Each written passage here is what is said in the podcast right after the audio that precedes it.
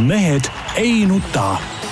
selle eest, et mehed ei nutaks, kannab hoolt Unibet, mängijatelt mängijatele. tere kõigile, kes meid vaatavad ja kuulavad, ükstapuha mis ajal ja ükstapuha millisest vidinast. vot meil on siin mingisugused äh, mikrofoni probleemid, aga no ma ei tea, mobiilnikumehed teavad paremini. mehed ei nuta igal juhul eetris, täna on teisipäev, kell on üksteist ja natuke pealt. Äh, Tarmo Paju Delfist. tervist Peep Pahv, te, ei tema, ta ei ole enam Delfist, ta on erikorrespondent. jälle, jälle mingi mahategemine, Tarmo ütle, noh, et mees eksib kogu aeg, kogu aeg. mina ei saa aru jah, tal on nagu aega valmistuda, teha korralikud tekstid, värgid kõik. kuule, äkki siit see paganama mingisugused häälekõvendajad kuskilt maha tõmmata või ma ei tea, mis tõmmati vist. nii, ühesõnaga Peep igalt poolt, Vasalemmast, Keilast ja. ma ütlen ise, Delfi mees, erikorrespondent Keila korvpallitreener, muidu tore Vasalemma mees. vot nii. ja Jaan Martinson Delfist, Eesti Päevalehest ja igalt poolt mujalt. kohe näha, mees on harjutanud ikkagi. jah, käib, tutvustab ennast üle Eestimaa ja, ja, ja on ilusti Ikka. nagu sisse tallatud rada juba, kuidas, kuidas see identiteet hetkel ja. on. jah, kusjuures. kõik on selge kusjuures eelmine nädal ju me tegime selle saate ette ja selgus, et mingit põhjust ei ole, Tarmo ei pääsenud kuhugi mingisse taam, Taani ja, ja mul tekkis küsimus, millele sa lõpuks ei vastanud. miks sa ei võinud sõita laevaga Soome ja sealt on ainult tuhat ükssada kilomeetrit Kopenhaagenisse autoga oleksite saanud sinna ja oleksidki õigel ajal kohal olnud. mina ka ei saa aru jah, lihtsalt mees ei viitsinud no näed, ei olnud sellist valu ikkagi, saab minna teisel korral siis, kui on, on õige aeg. aga me pidime tema pärast äh, Just. saadet salvestama ebamugaval ajal. sinu pärast ja. me peame seda kord kuus igal teisipäeval tegema ja. ebamugaval ajal ja, ja no, täiesti see, talume ära kuidagi. vot see on nagu põhjendatud, mul nagu järgneb ka midagi selle, aga sa lihtsalt läksid mõnulesid äh, Tallinna lennujaamas, ostsid tax-free kauplusest kindlasti igasugust nassvärki endale ei ja tulid koju tagasi. ei ostnud. Läksid sinna tsooni siis? mida ma sealt ostan siis? ikka no. sealt odav naps värgid. no pole ta nii odav, mis odav see nüüd nii väga on siis? ikka on. on või? ma arvan, et sa ei ole väga teadlik tarbija lihtsalt võib-olla.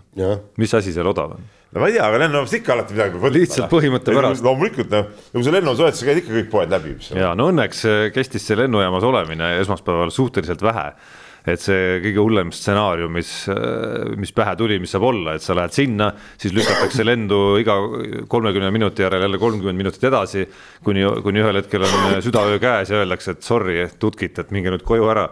et vähemalt sellist varianti aga, ei olnud, sai koju minna, sai minna lund rookima. jõudsid, jõudsid osta kahekümne eurose võileiva ja kümne eurose õlle. isegi seda ei jõudnud osta, käisin lõunal ära ilusti enne kõht oli täis see on, see on selline nagu tark ettenägelikkus. ei, mis ettenägelikkus, see on ikka, no mina ei tea, igatahes kui mina hommikuti kuhugi lendan, mina küll hommikul kodus söömas alati lennan. ei no antud juhul ma lendasin pärastlõunal, lõunasöök oli sees ilusti, kõik oli väga hästi. no ei tea, ikka traditsioon on ikka lennujaamas, peab ikka midagi amps võtta. Ei no see on, eks eks siin tuleb võib-olla rahakoti vahe ka nagu mängu lihtsalt, et noh, niisugune kröösus lihtsalt, lihtsalt nii kui ostupunkti näeb, saab aru, et tuleb luhvtitada, eks ole, sinusugune sinusugune vaatan... kuiv ihnuskoi, vaid eh, raha ongi selleks, et seda kulutada. ja kui mul... arveldusarvel on mingisugune raha, siis tuleb ära kulutada, see on loogiline. jah, no mina vaatan, et mul on kõht täis A ja B no kallid hinnad ei ole, ei ole vaja, ei no mis ma seal teen enne lendu, õllet. muidugi, no mis on siis eriti veel lõuna vaata, vaata eh, lenn, lend tähendab üldjuhul nagu komandeeringusse minekut, aga komandeering tähendab seda, et noh, komandeeringus alati ju, ju võetakse napp sinna, see on nagu loogiline, see ongi komandeeringu mõte ju, ei ole on. kohe nagu siis nagu. kohe nagu pääsed nagu. kohe, kui pääsed nagu check-in'ist läbi. jah, kohe seal on nagu. ei see..., mitte check-in'ist, vaid sealt turvakontrollist läbi ja siis. see on nagu see kohe plõks käib, kohe teine mees oled, tead noh no vot, mul on õppida ilmselt seda, seda kõike kus, kusjuures ikkagi see oli Eestimaad ikka täiesti vapustanud torm, et et, et noh, vähemalt juttude järgi ja Eesti Elektrilevi järgi. Ah,. kuule, see kõik on nagu täielik see... uh, udutsirkus, no mis no, natuke tuul puhus, no puhus küll noh. Ma ei tea, ma sõitsin sel päeval, sõitsin autoga kolm korda Keilast Tallinnasse tagasi ja mis ei sõita küll, midagi polnud. jah, ei no jaa, aga noh, tähendab, okei okay,, üks asi veel see autoga sõitmine, aga ma ikka sellest aru ei saa, kuidas kõik need meie elektriliinid kõik ei, kokku see on sellepärast, et see on suvel tegemata töö, noh. ei no suvel seda tegemata kindlasti No mitte ainult ei no liinikoridorid on äh, puhastamata noh. ja no üks asi on liinikoridorid, aga ma saan aru, et, et osa liine ka, kus koridor oli olemas, ikkagi läksid jäässe, et see ilma, ilmaolu oligi ka suhteliselt erandlik ikkagi noh, mida ei juhtu iga talv no.. Tahtmata õigustada, aga noh, nii oli lihtsalt noh, reaalselt, kui sul juhtmed lähevad jäässe, noh, sa nägid neid pilte No jääkamakad on äh, nende juhtmete küljes lihtsalt. jaa, Need üldiselt tekivad sul igal pool. enamus probleemid, mina saan aru, tulid ikka sellest, et liini peal kukkus. ja ei, päris palju oli neid pilte, olen ma ka telekast näinud, kus, kus sa näed ikkagi, et, et, et seal on nagu väga metsane, ütleme, on seal liinide ümber ikkagi. jaa, aga teine, teine küsimus oligi ja väga kenasti, kes see püstitas selle küsimuse.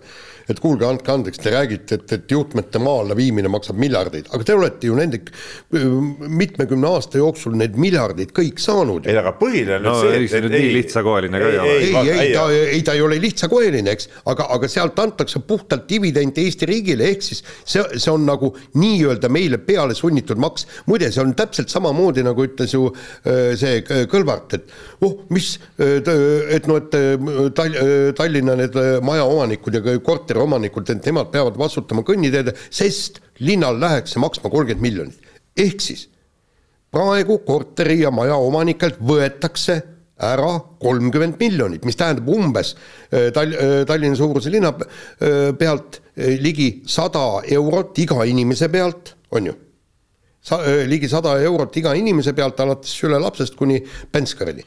see võetakse puhtalt meie taskust, sest meie peame selle ju kolmkümmend miljonit kinni maksma. ega siis keegi meile ei tule ju tasuta seda tööd tegema. teine küsimus hoopis see selleks, aga teine küsimus see, et kas ikka see Elektrilevi maksab ju nendele inimestele nende päevade eest mingit kompensatsiooni ka ju. vist, midagi, midagi vist küll. muidu oleks seda võimalik vaata, et kui, kui, ega ma päris kindel ka ei ole. kui jääd ühe päeva elektriarve maksmise ilmaks, siis kohe hakkab viivis jooksma. ja no osadele toodi seal mingid generaatorid ukse taha ja no generaator, no tuleb panna käima ka, ega ma ei ole mingi generaatori käivitaja no absoluutselt, uut kütust ja Noh. ei tea, ei ole nii süve sisse ma millegipärast hästi ei usu seda. millegipärast hästi ei usu. Okei okay,, aga lähme nüüd spordi juurde ja, ja noh, ütleme niimoodi, et oli mingit sporti ka muidu või? no toimus, toimus Kataris jalgpalli EM- Peebul, Peebul on nüüd niimoodi, et okei okay,, ei mängi vaata nädala jooksul, mis meil siin kahe saate vahel on, noh siis tegelikult ütleme, maailmas sporti ei ole olnud. eriti ei olnud midagi. no lihtsalt No ei ole, ei ole olnud, ütleme nii sa. tead minu Argentiina lembust, no see oligi nagu väikse siukse nagu ei, aga oota, upitamisega mõeldud oota, küsimus. ma ei saagi aru praegu, Peep, mis see Argentiina siia puutub? Kataris toimus mm, mis olid ära ostetud, kust maksti altkäemaksu, kus hukkusid töölised, kus pidid eh, talvel mängima, see oli ju põhiteema enne MM-i.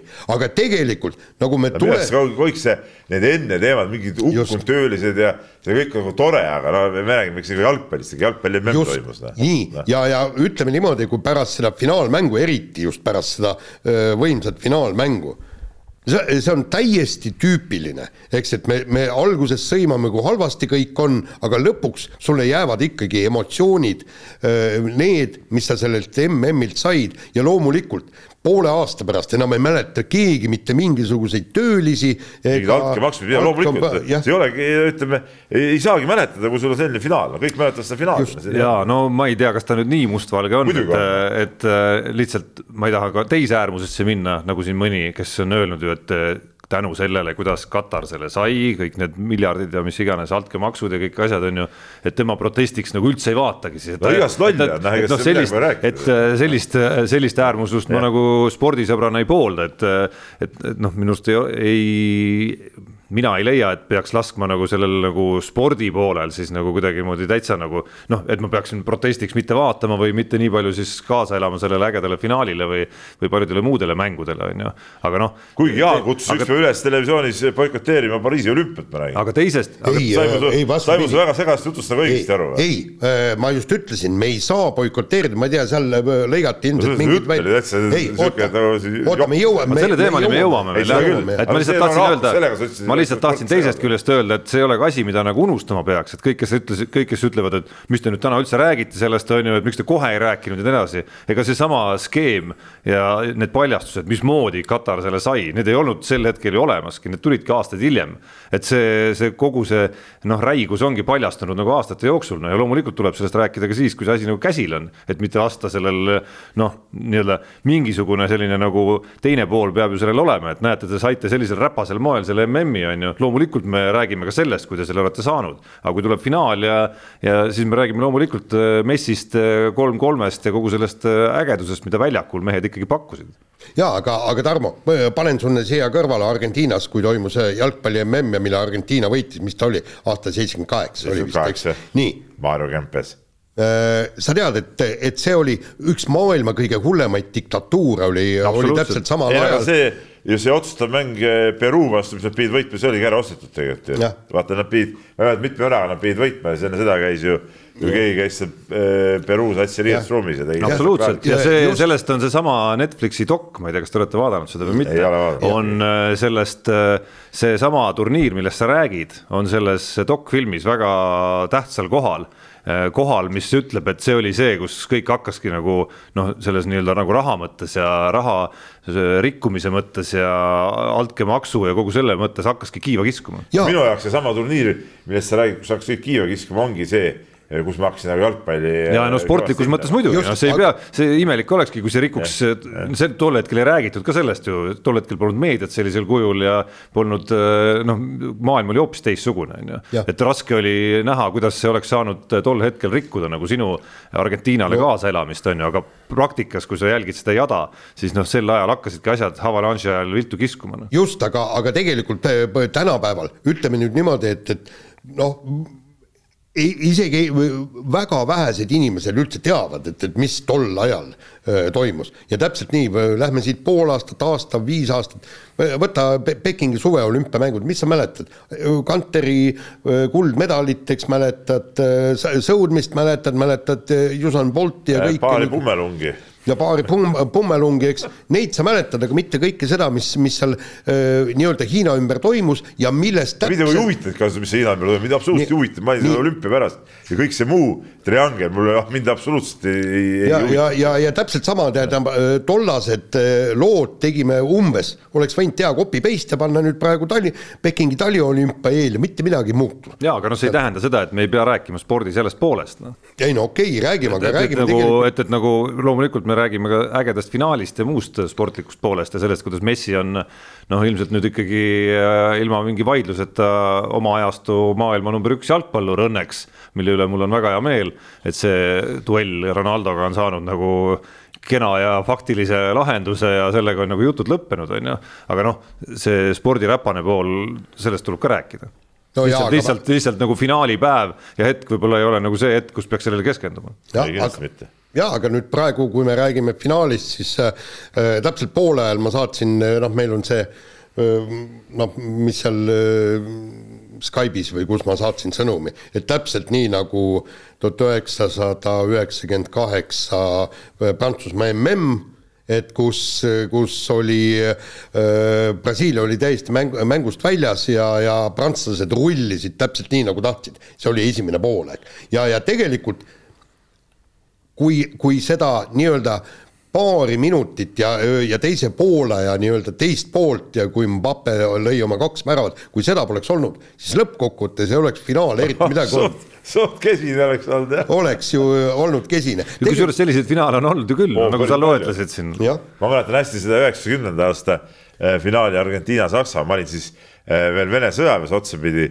aga mul õnnestus seda vaadata Lenini toas loomulikult oli televiisor ja, ja seal õnnestus seda vaadata ja, ja see lõppes ka mingi preemia penaltiga üks-null vist või, jumala igav mäng oli, täiesti igav mäng oli. jah, või midagi toimunud ei ole mänginud. või, või, või võta siis see USA finaal, kui Brasiilia võitis pärast penaltitega null-null oli ju. ja, ja, ja, no see, et see on küll väga mälestusväärne finaal tänu sellele, et Roberto Baggio oli penaltil eksija, aga lõppkokkuvõttes oli see null-null lõppenud mäng jah, aga, aga no see finaal on see, mis, mis tegelikult me, meelde jääb ja, ja, ja, ja ju, just ikkagi no punkt üks Messi, Mbappe, kõik see no, tagasi. teine värav oli ikka, oli, ikka mega, noh otse pandud põmmaki, tead, no midagi pole ütelda. ja, ja vaata, milline stsenaarium, Argentiina läheb jälle ja Messi väravast läheb juhtima, kusjuures nüüd on ka, praegu on küll jälle huvitavad pildid on välja. mis see ei mõjutanud ju mängu?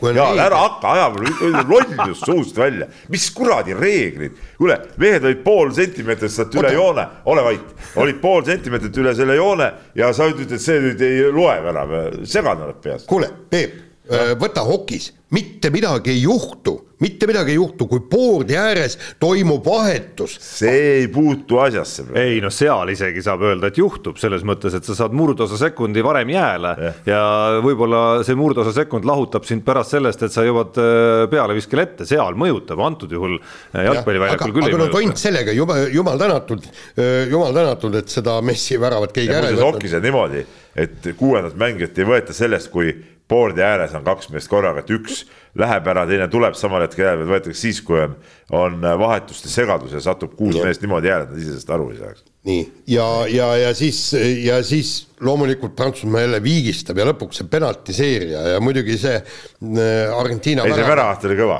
Väravat on kõva, no selles, et äh, mul oli plaanis, kui meil jutuks ei tule, siis kindlasti kü- küsida seda ka, et selles, et Peep leiab, et see oli ikkagi nagu ülikõva.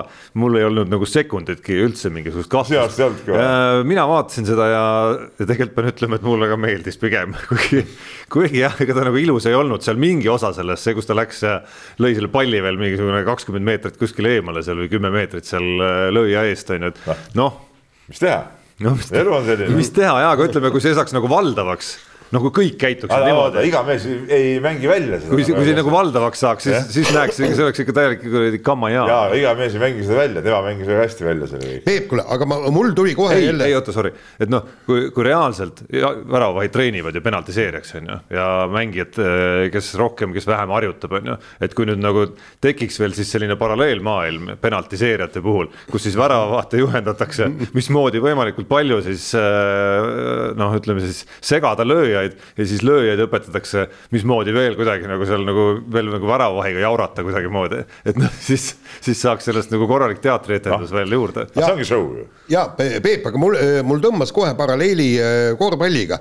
kas korvpallis oleks lubatud, näiteks mees läheb otsustavat vaba viset äh, viskama viigiseisult on ju, eks. ja kohtunik nagu viskab palli, aga vastasmängija noh, ei, võtab ei selle. saa, ei tohi, ei tohi, ei, ei, ei. noh, samas äh, sellist asja, et seal ikkagi nagu vabaviskele See on see- minejale öeldakse ei, üht-teist seda näiteks küll, ja, ju ja, aga mitte siis, kui tal juba pall käes on või midagi. ja kui sa seal nagu kohtunik söödab taga, söödab tagasi Ja, juba ja, ja, viskajale ja, palli ja siis äkki siis- sealt keegi, kes seal lauda on minemas. jalutab sealt läbi võtab korra, astub sisse, võtab selle vahelt ära, on ju, noh ma ei, ma ei ole küll näinud sellist asja, aga tehniline, ma arvan kohe. aga, kuigi aga võib-olla esimene kord on hoiatus, ei tea kunagi. ja, ja kusjuures ma olen, ma just hakkasin mõtlema, et, et kuidas see sobiks, kui, kui läheb nagu vastasmängija läheb selle palliga selle vaba viskaja juurde. noh, hoiab seda peos natuke, noh. ei, korvpallis, vaata, ei no vaata mängu eh, iseloomud erinevad korvpallis ei saa sihukest asja teha. no saab iseenesest, et küsimus saa. on, kuhu kohtunik selle piiri tõmbab siis. et oletame, et sa lähed otsustavatele vabavisetele, ühega olete taga, mänguaeg on läbi, on ju. ja siis pall juhtub kuskil nagu noh, ma olen vastasmängija, juhtub minu lähedusse, eks ole. nii, ja siis ma tahan kuidagi nagu tulla sulle midagi nagu rääkima seal veel enne, on ju. ei no seda, seda küll saad, aga ütleme, no sa ei saa, et sa võtad selle palli, mis kohtunik on juba kas tuleb, kas tuleb tehniline ära kohe või? no oletame oletame, oletame, ma et tean mõnda kohtunik. Eesti, Eesti arbiitrit, kes kindlasti paneks et oletame, et. euroliigas ma nii kindel ei ole et. kohtunik veel söödab juba tõesti sulle vis, esimeseks vabaviskeks või teiseks, vahet ei ole. Ja ta söödab natukene viltu, noh niimoodi, et see tuleb nagu, ma olen seal ootamas lauavõitluse olukorda ja, ja see tuleb nagu, et ma sööta,, no, no ko- kogemata, eks see pall satub mulle, püüan selle kinni, selle asemel, et kohe kohtunikule tagasi anda, noh, pakun seda sulle, ütlen, kuule, näe, et noh, ära, ära nüüd eksi. ära nüüd eksi, on ju, vaata, sa ei eksi nüüd, siis võib-olla ei tule, sest siis on kohtunik nagu ise mingid jura teinud ja kui sa jalutad ja püüad selle palli sealt kinni näiteks, noh, mis ta mängijale söödab, siis, siis kindlasti. jaa, aga Peep, sul on täna mäng Kalev Cramoga, katseta ära. ise lähen väljakule püüdma. ei, ei mitte seda, et, et lase oma mängijatel, kui palju sa saad vaba minu meelest vastane kolmest viskab pärast tagant kulbi. jaa, aga, aga eh, no tegelikult eh, nüüd hakkab ju suur vaidlus eh, või juba Mis käib eh, suur vaidlus, kes on läbi aegade parim eh, jalgpallur. noh, ikkagi Pele on kolmekordne maailmameister. no just, tähendab mina, mina siin oma nagu selles suhtes nagu ma nagu siin nagu vaidluse koht läbi aegade ja siin juba mingid noored eh, poisid siin ka eh, ajakirjaniku hakatasid, kirjutasid, et aegade parim ja nii edasi. no ei ole, ei ole nii, üks on kolmekordne maailmameister, teine on ühekordne maailmameister, noh lihtsalt nii ongi. no. okei, tal on muud asjad seal juures, jah, aga tol ajal see klubi jalgpall ei olnudki lihtsalt selline, nagu ta praegult on, et see- seda võrdlust ei saa võtta küll, aga aga saab seda võrrelda, et, et kas keegi on kolmekordne maailmameister või ei ole. Aga, aga, tegelikult on ääretult äh, soe tunne endal südames, et Messi võitis selle MM-tiitli, et, et oleks ta sellest ikkagi ilma jäänud, noh. see oleks täitsa nõme, noh. nõme, jah. ma mõtlesin, et see kuradi treener tegi ka valesti, et mis sest Di Mariast nii vara välja võttis, tuli kaks-kaks onju. täielik oinas, no mis asja sa jamad. Di Maria tegi ju seda mängu. jumala hea mängu tegi, tead noh aga noh, okei okay,, läks, läks õnneks kõik. Läks hästi jah, et äh, ma ei saaks öelda, et ma olen noh, elu, et ma oleks eluaeg tohutu Messi fänn olnud otseselt, aga vähemalt selles no midagi see, midagi see teha, midagi ei ole öelda. kogu see ajastu defineerib ikkagi mingil määral see vaidlus ikkagi Ronaldo ja Messi ümber. ja noh, selles arutelus ja vaidluses äh, ei ole nagu küsimustki olnud, kelle poole sümpaatia rohkem, rohkem kaldub, et äh, tundub, kuigi eks tal on ka oma mingeid jamasid olnud ja skandaalikesi olnud, aga tundub ikkagi selline sümpaatsem mängumees vähe. Ja ka inimesena sümpaatsem. ja, ja tundub, mitte, mitte tundub, vaid ilmselt ongi, ma otsustasin nii, et on. No.. aga, aga, aga nüüd noh, siin on Tarmo ka. oota, ma korra segan veel vahele, et, et, et kui seda turniiri nagu laiemalt vaadata, siis äh, see on küll tohutu tagantjärele tarkus, aga vähemalt mingis ringis ma kindlasti ütlesin selle lause, kui nad selle esimese õnnetu kaotuse said sellel turniiril et äh, no meil oli ka toimetuse sees üks ennustusvõistlus, kus, äh, kus äh, kuidagi ma läksin ka sinna Argentiina lainele, panin Argentiina peale, et kui see esimene mäng oli ära toimunud, kus, kus nad õnnetult kaotasid ja nende see kaotusteta seeria läbi sai, siis pigem tekkis selle esimese kaotusega see tunne, et, et nüüd, nad pigem, et nüüd nad pigem võidavad. et kui see seeria oleks edasi läinud, küll nad siis oleks ikkagi kuskil play-off'is otsustaval hetkel enne finaali selle asja ära kaotanud. ja aga kusjuures neid otsustavaid hetkesid ikka oli neil, nii et aga, aga nüüd, kui Tarmo on siia ka küsimuse püstitanud, et noh, et kas nüüd siis eh, siit peale on rahvusvaheline jalgpall ETV ekraanilt kadunud või? Et eh, see, et ta on kadunud, see on äh, fakt. No, vähemalt järgmine... järgmise, järgmise suur, suur. oota, aga midagi nad seal ülekande lõpus nagu rääkisid, et võib-olla nagu ikka ei ole veel ja. ei, ei praegu käib võitlus, kes, kes endale saab, järgmine ei. MM ei ole veel jagatud. ei ole, kaks EM-i on jagatud. aa, EM-i, aa, okei, EM-i on jagatud, okei okay.. see mul jäi, mul jäi see ka kõrva, aga ma nagu väga ei süüvinud sel hetkel. et tegelikult noh, noh ütleme niimoodi, et see ETV Sport ikkagi noh. noh, kõva oli ei, ta oli kõva, aga, aga, aga just aga. see, et, et kui jalgpall tõesti, rahvusvaheline jalgpall sealt ära läheb, no mis siis alles nii väga jääb? no üks on see pool, aga teine pool on jah, et mis see, mis selle turniiri või nende turniiride, mis on olnud ikka väga kesksel kohal juba aastakümneid ka Eesti spordis ja praegu, et mis see tähendus nagu edasi hakkab olema. eriti kui, kui see Viaplay jääb tehnilises mõttes sellisele kujule, nagu ta on praegu. see on ja... sama asi, mis jalgpalli meistrite liigaga, mida enam mitte keegi ei jälgi. no selles mõttes paduhuvilised jälgivad, on ju, aga see ei ole see. ma räägin nagu laia tarbija. just, aga see ei ole see, et ma lähen, ma ei tea, ämmale äiale külla näiteks on ju, või, äh, või emale ja tema elukaaslasele külla või mis iganes seltskonda ja siis kõik järgmisel hommikul räägivad, sellepärast et äh, kõik ei ole seda enam vaadanud kindlasti. ei, kindlasti ei ole, kindlasti ei vaata, no ja see on. et ma loodan. tead, sihuke asi tuleks mina valitsuse tasemel ära keelata, et sihuke asi saaks juhtuda. kunagi oli muide, mitte Eestis, aga, aga oli rahvusvaheliselt oligi ju näiteks soomlased ju öö, omal ajal panid ju teatud spordivõistlused, mis peavad olema siis nii-öelda riiklikus telekanalis, aga nad on nüüd ka pidanud sellest, nagu ma saan aru, taanduma. No, ma... kunagi oli jalgpall, hoki ja suusatamise MK-sari. selles suhtes see kapitalism on ikka saatanast, eks ole. aga no ma, ma ise tahaks loota, ma ise tahaks loota, et, et kahe aastaga, mis on jäänud järgmise turniirini, et, et, et võib-olla see pilt nagu paraneb selles osas, et, et sellest nagu rakenduse faasist või kodulehe faasist, kus see Viaplay praegu on, et nad siis, nagu et nad siis nagu no kas päris televisioonist või vähemalt mul Telia kliendina näiteks oleks mingisugune noh, nagu lihtsam moodus noh, minul, minul ei ole keeruline see tähendab saada, ma võin võtta selle Smart TV äpi ja telekasse panna ja ei ole ka. ei no mul on ka telekas olemas. ja on ka okei okay,. mul on ka telekas olemas, aga, aga läheb... ma ei viitsi seda, ma pean mingi teise puldiga hakkama seal ju, jurama ja. ei no see ei ole, see ei ole kokkuvõttes keeruline see on tüütu. lihtsalt, no, lihtsalt meie jõuame selleni ja me oleme ka noh, üle keskmise spordihuvilised selgelt, et me teeme selle pingutuse, kelle jaoks on pingutus, kelle jaoks ei ole. aga noh, võtame sellesama veel vanema generatsiooni, mitte nii spordihuvilise, et ka nemad teevad kasvõi MM-i või EM-i ajal selle sammu, on ju, et, et nagu see, see kasutaja, kasutajale lähemale tulek toimub ka kuidagi. ei, ma vaatan enda pealt, ma olen ikkagi, ma olen kindlasti üle keskmise suurem spordihuviline, aga nii vormel üks kui jalkameistrite liiga on minu jaoks ikkagi surnud asjad. ja, ja aga kusjuures ma kuulsin, et ma ei mäleta, kes see rääkis, et tõesti naisterahvas, kes ei ole nagu eriline spordihuviline aga kanaleid klõpsides jäi jalgpall peale ta, ta jäigi. Jäigi seal vaatama ja lõpuks selgus, et, et ta vaatas mitmed mängud ära ja kusjuures vaatas ka finaali.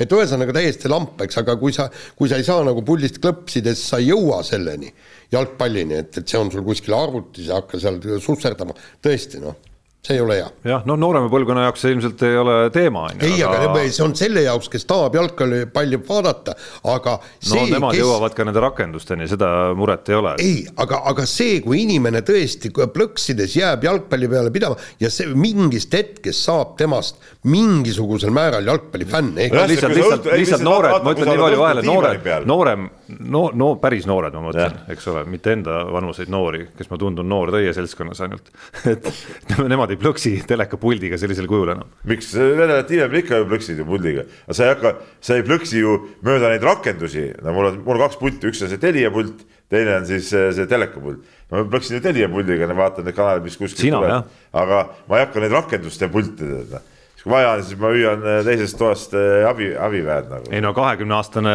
või viieteistaastane noh, ei plõksi sellisel kujul enam, eks temal tekib, temal tekib, ei no okei okay,, tema vaatab multikaid veel ja oma lastesaateid ja nii edasi. Äh, kõik need no see on veel see faas. Zone'id ja, ja mis seal kõik on. see lõpeb varsti. nojah, ei tea, nii. nii, aga vahetame teemat ja läheme korvpalli juurde. esimene kodune karikas on välja antud, Eesti korvpalli karikavõitjaks tuli BC Kalev Cramo. üle pika aja siis üks äh, tiitel ka on Kalev Cramole ette näidata. Äh, Narvas jalgpalli MM-i finaali ajal saja viiekümne inimese ees see lõppvaatus siis toimus, mis on natukene nagu eraldi jutupunkt ka veel, et, et kui edukas see Narvas käik ja Narva viimine siis, siis lõpuks oli, nii et kaks teemaliini siit natukene no, siin, hargnevad praegu. me võtame selle teise liini nagu esimese, üks asi see Narva viimine teine asi see, et ma ei tea, kas selles Kossu, Kossu liidus on okei okay, Oguhi jah. vist ta nagu kalendrit ei oska vaadata või? mis paned meelega nagu jalka MM-finaaliga samale päevale selle või?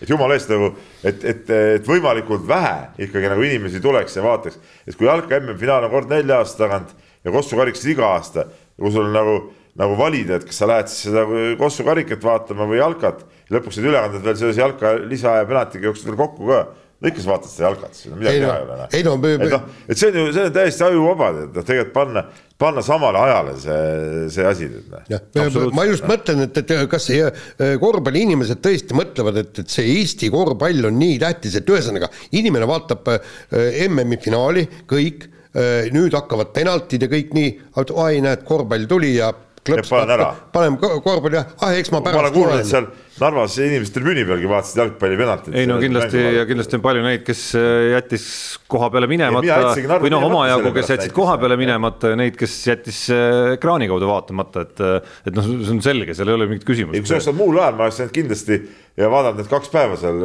kohapeal ära.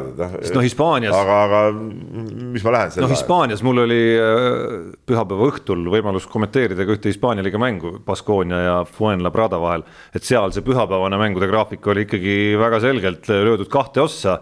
Madridi Real mängis päeval kell üks ehk siis siis ei olnud jalgpalliga mingit ristumist veel ja siis järgmised mängud olid õhtul kell üheksa.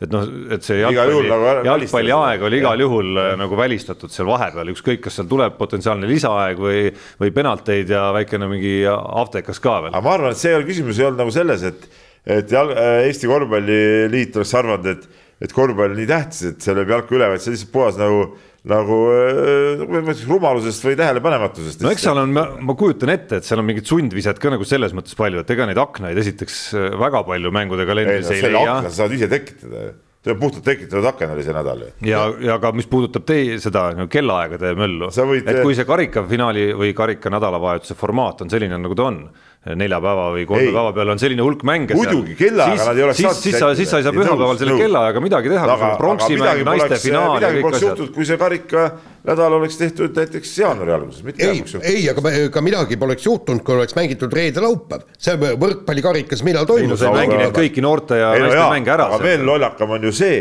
et veel ka võrkpall ja korvpall ka ühel nädalavahetusel. mis siis, mis mis see täitsa segi on peast, ma ei saa, mõlemad alaliidud, noh. Toomas Varad, et noh mis ka nagu ei vaata kalendrit või leppige kokku omavahel. ei no võrkpallil ma sain aru, polnud häda nagu midagi. ei no jaa, ikka jabur. eriti kui korvpall läks veel rahulikult ise ääremaale, ääremaale ära ikkagi. no see oli ju ka teada, et sealt ei tule midagi. Noh. nojah, ühest küljest. vaatasin tele, korvpalli vaadata, sihuke, esiteks see võimle oli juba nagu mingisugune ma ei tea, no mingi betoontreppide peal seal istusid inimesed, no seal vist mingid plastikistmed ka pandud, aga ja siis oli veel pooltühi ka ja, ja no väga-väga nadi oli see asi. ei no ma ütlen ühest küljest tahaks. normaalset telepiltigi toota, see põhikaamera oli nii, nii halvas asendis minu arust, et sealt oli ebamugav oli vaadata kohe seda. no ma tahakski öelda, et ühest küljest on nagu noh, jah, positiivne, et otsitakse mingit nagu ma saan aru, miks seda ju teha, teha tahetakse, aga kas see on nüüd see, millega nagu alustada, et noh, lõppkokkuvõttes oleks vaja Narva mingisuguseid Äh, korvpalliaktiviste, kes, äh, kes mingitki, mingigi tegevuse seal rohujuure tasandil äh, tööle paneks ja, ja siis võib-olla on nagu palju rohkem pointi viia seda, seda tipptaset juba sinna või kodust tipptaset sinna Narva, et needsamad poisid siis nagu, kes on nakatunud ja tüdrukud, et need siis tuleks ja vaataks ka, et et ses mõttes, kui Ida-Virumaast rääkida, siis noh, kasvõi Jõhvis näiteks on ju on nagu rohkem justkui olemas, on ju.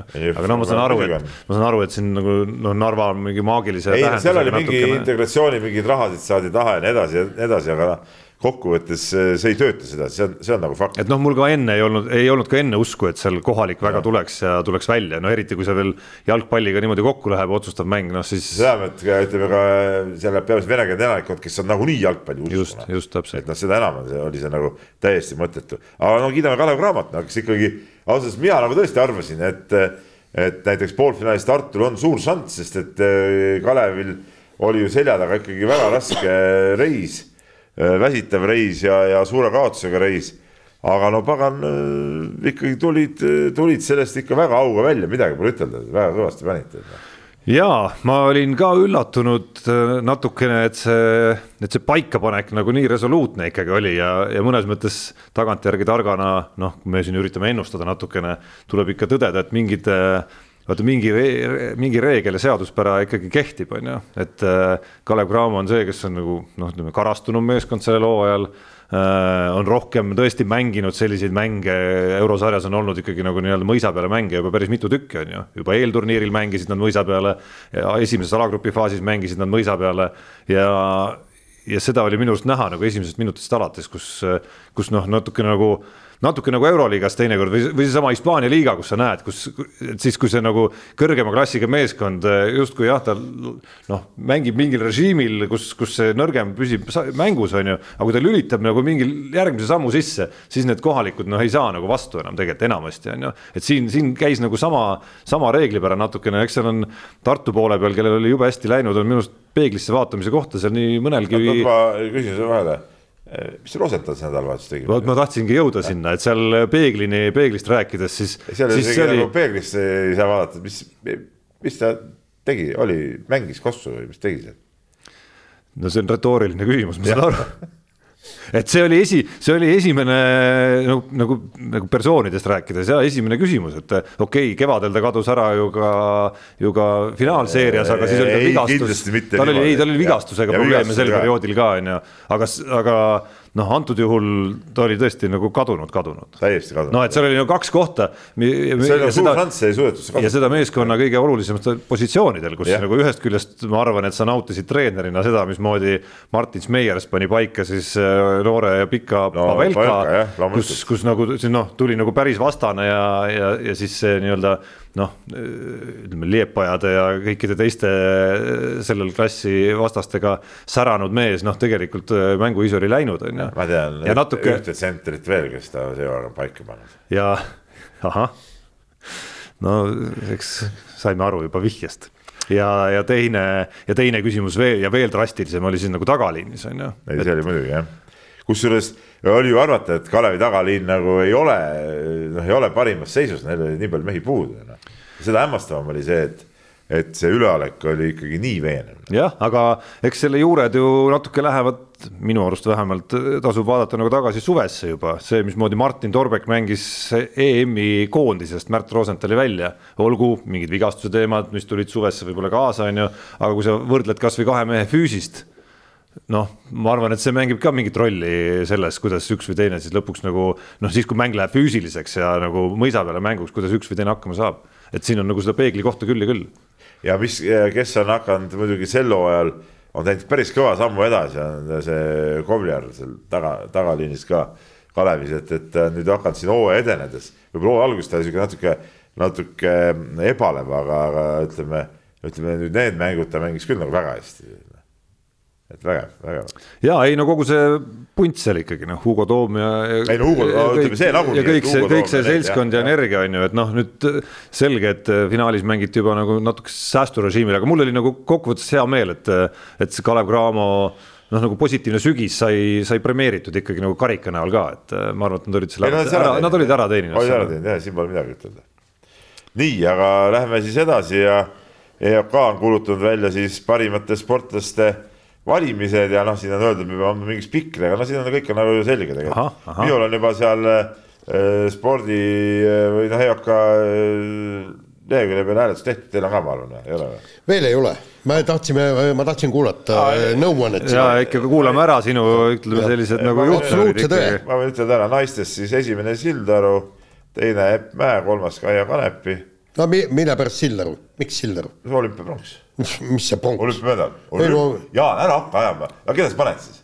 et näe, miks mitte? see, see, kuule, ta ei ole ju olümpiamedalist. no, tal ei toimunud olümpiat. no aga ta, kui tal oli olümpia, siis ta ei tulnud. ei no aga MM-i ja EM-i medalid. ajama siukest ei joga, siin ei ole isegi midagi arutada, nii. siin on arutada küll.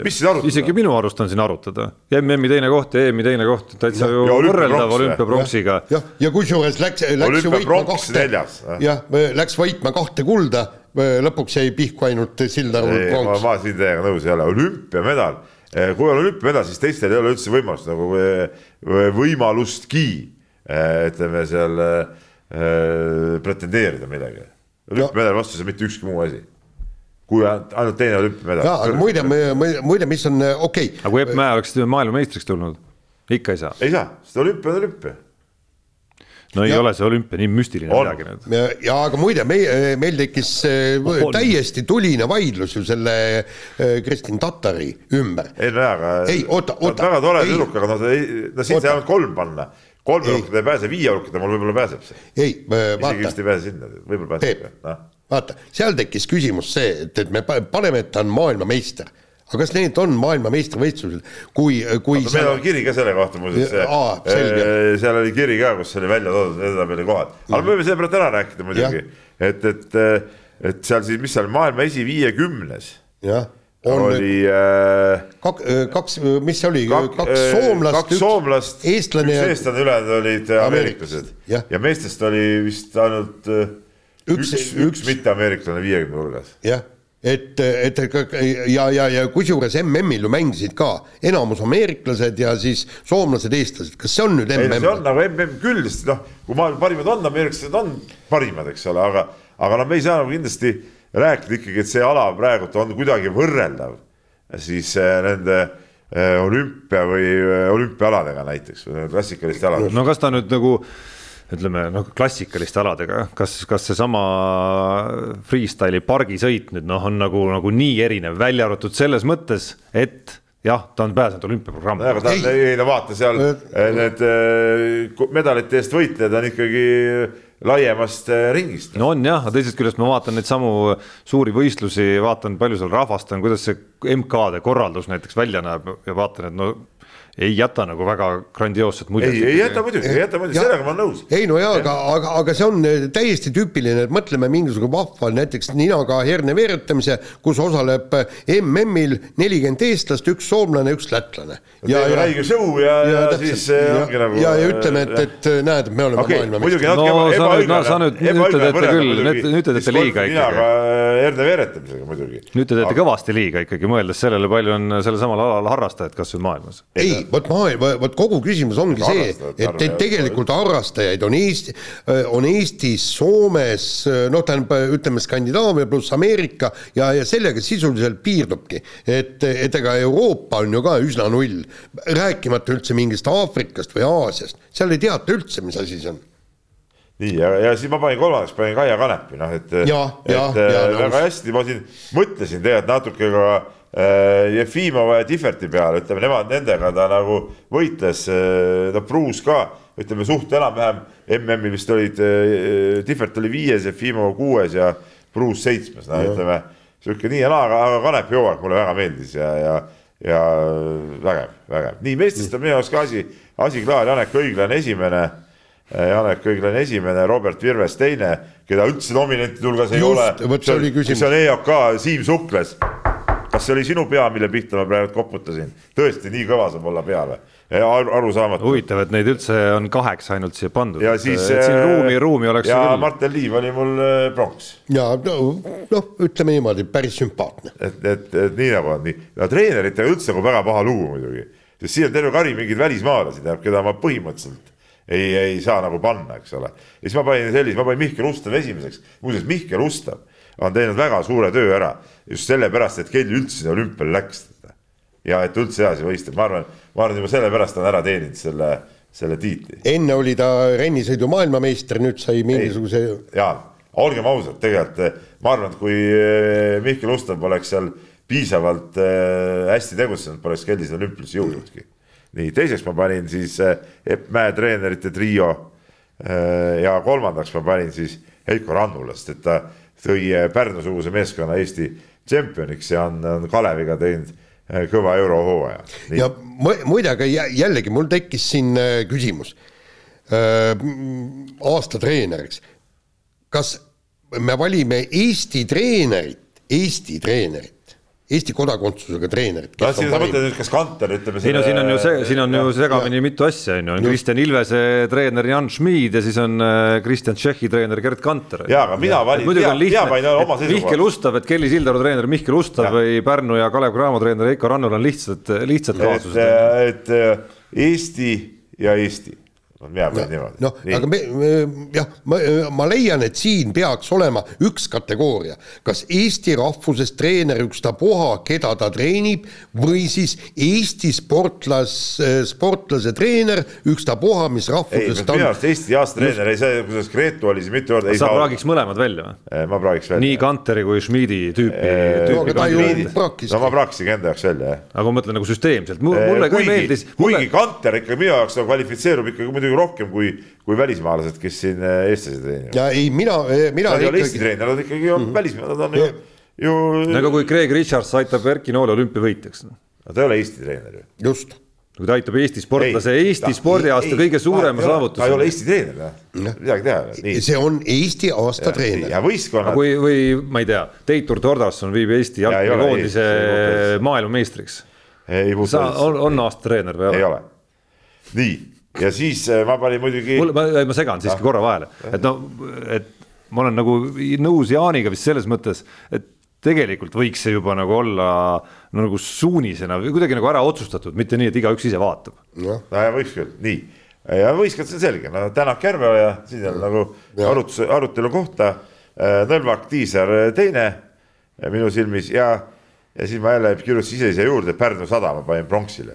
Kus ma ei saagi aru, on Paide linnameeskond jalgpallis on välja toodud. ja siis näiteks Pärnu äh, sadamat või Kalev Cramot äh, näiteks ei ole. ma muidugi praegu eelistasin sadamat, panin sadama, mitte Cramo. Cramo teinud kõva eurohooaja No mis miks- võrdub Paide linnameeskonna sellega, eks ole no küsimus on, miks aga jälle, lihtsalt nende Eestikat läks aasta nii nässu, mitte eelmine aasta, vaid kevadel nii nässu. ei no jälle on see küsimus, et miks siin nagu, miks neid rohkem ei või siin noh, selles EOK ettevalmistatud äh, hääletuslahenduses olla, et selle viisikuga, kelle sa välja valid, sa annad ju, annad ju sellele viiele tohutu, oota, tohutu eile- eelise. oota oota, Tarmo, mulle eile selgitati asja, et äh, see on me- mitte nii, et EOK valib, vaid äh, spordialaliidud äh, es, esitavad no vahet ei ole. ja, ja, ja korvpalliliit ei esitanud ei no küsimus ei olnud, minu küsimus ei ole selles, kes need viis on, vaid selles, miks neid ainult viis on. ei no aga sellepärast, et korvpalliliit ei ei no esitanud. aga võtame nüüd, kas siis see UEFA konverentsi liiga kolmas ringi jõudmine on näiteks kõvem saavutus kui Kalev Cramos jõuda siis äh, eurosarjas järgmisele etapile. Üsna sarnane. midagi poolest, võrdne, mõlemad on äh, eurosarjade kõige madalamad tasemed, väga võrdne, eks ole. Ja, ja, ja muide, oota, oota, aga me nibisesime üle tegelikult ju seal mees, mis nad selle Virvese kohta siis ütlesid, sa rääkisid ka nendega ei, ma, ma ei ole rääkinud, aga aa, sa ütlesid, sa rääkisid EOK-ga? ei, ma rääkisin inimestega, kes uurisid aga ma ei saa EOK-st ikka, sellest ma ei saanudki aru, kuhu, kuhu see Virves kadus siis, mis see ei olegi siis kõva saavutus. ja ei, aga, aga nii äh, ma sain aru, et kui äh, Eesti Suusaliit ei oleks esi- esitanud Sildarut parima spo- aasta Siis poleks- spordi poleks ja, ja polekski pannud, EOK poleks pannud. mis Jaanis on siis ka udu ei esitanud siis? ei, ma ei tea, kas esitas või mitte või praagiti välja või aa, olevat see, et, et ta on mingi juunior, sellepärast et Robert Virves on äh, lapssportlaste äh, valikus on olemas, mida ajakirjanikud saavad äh, valida.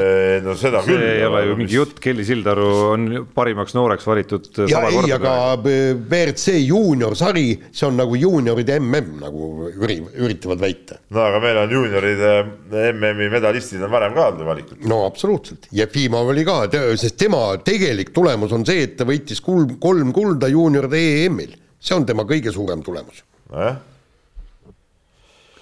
vot nii, et nüüd on teil ka selge, kelle peale panna siis ütleme Tarmo ja, ja Jaan.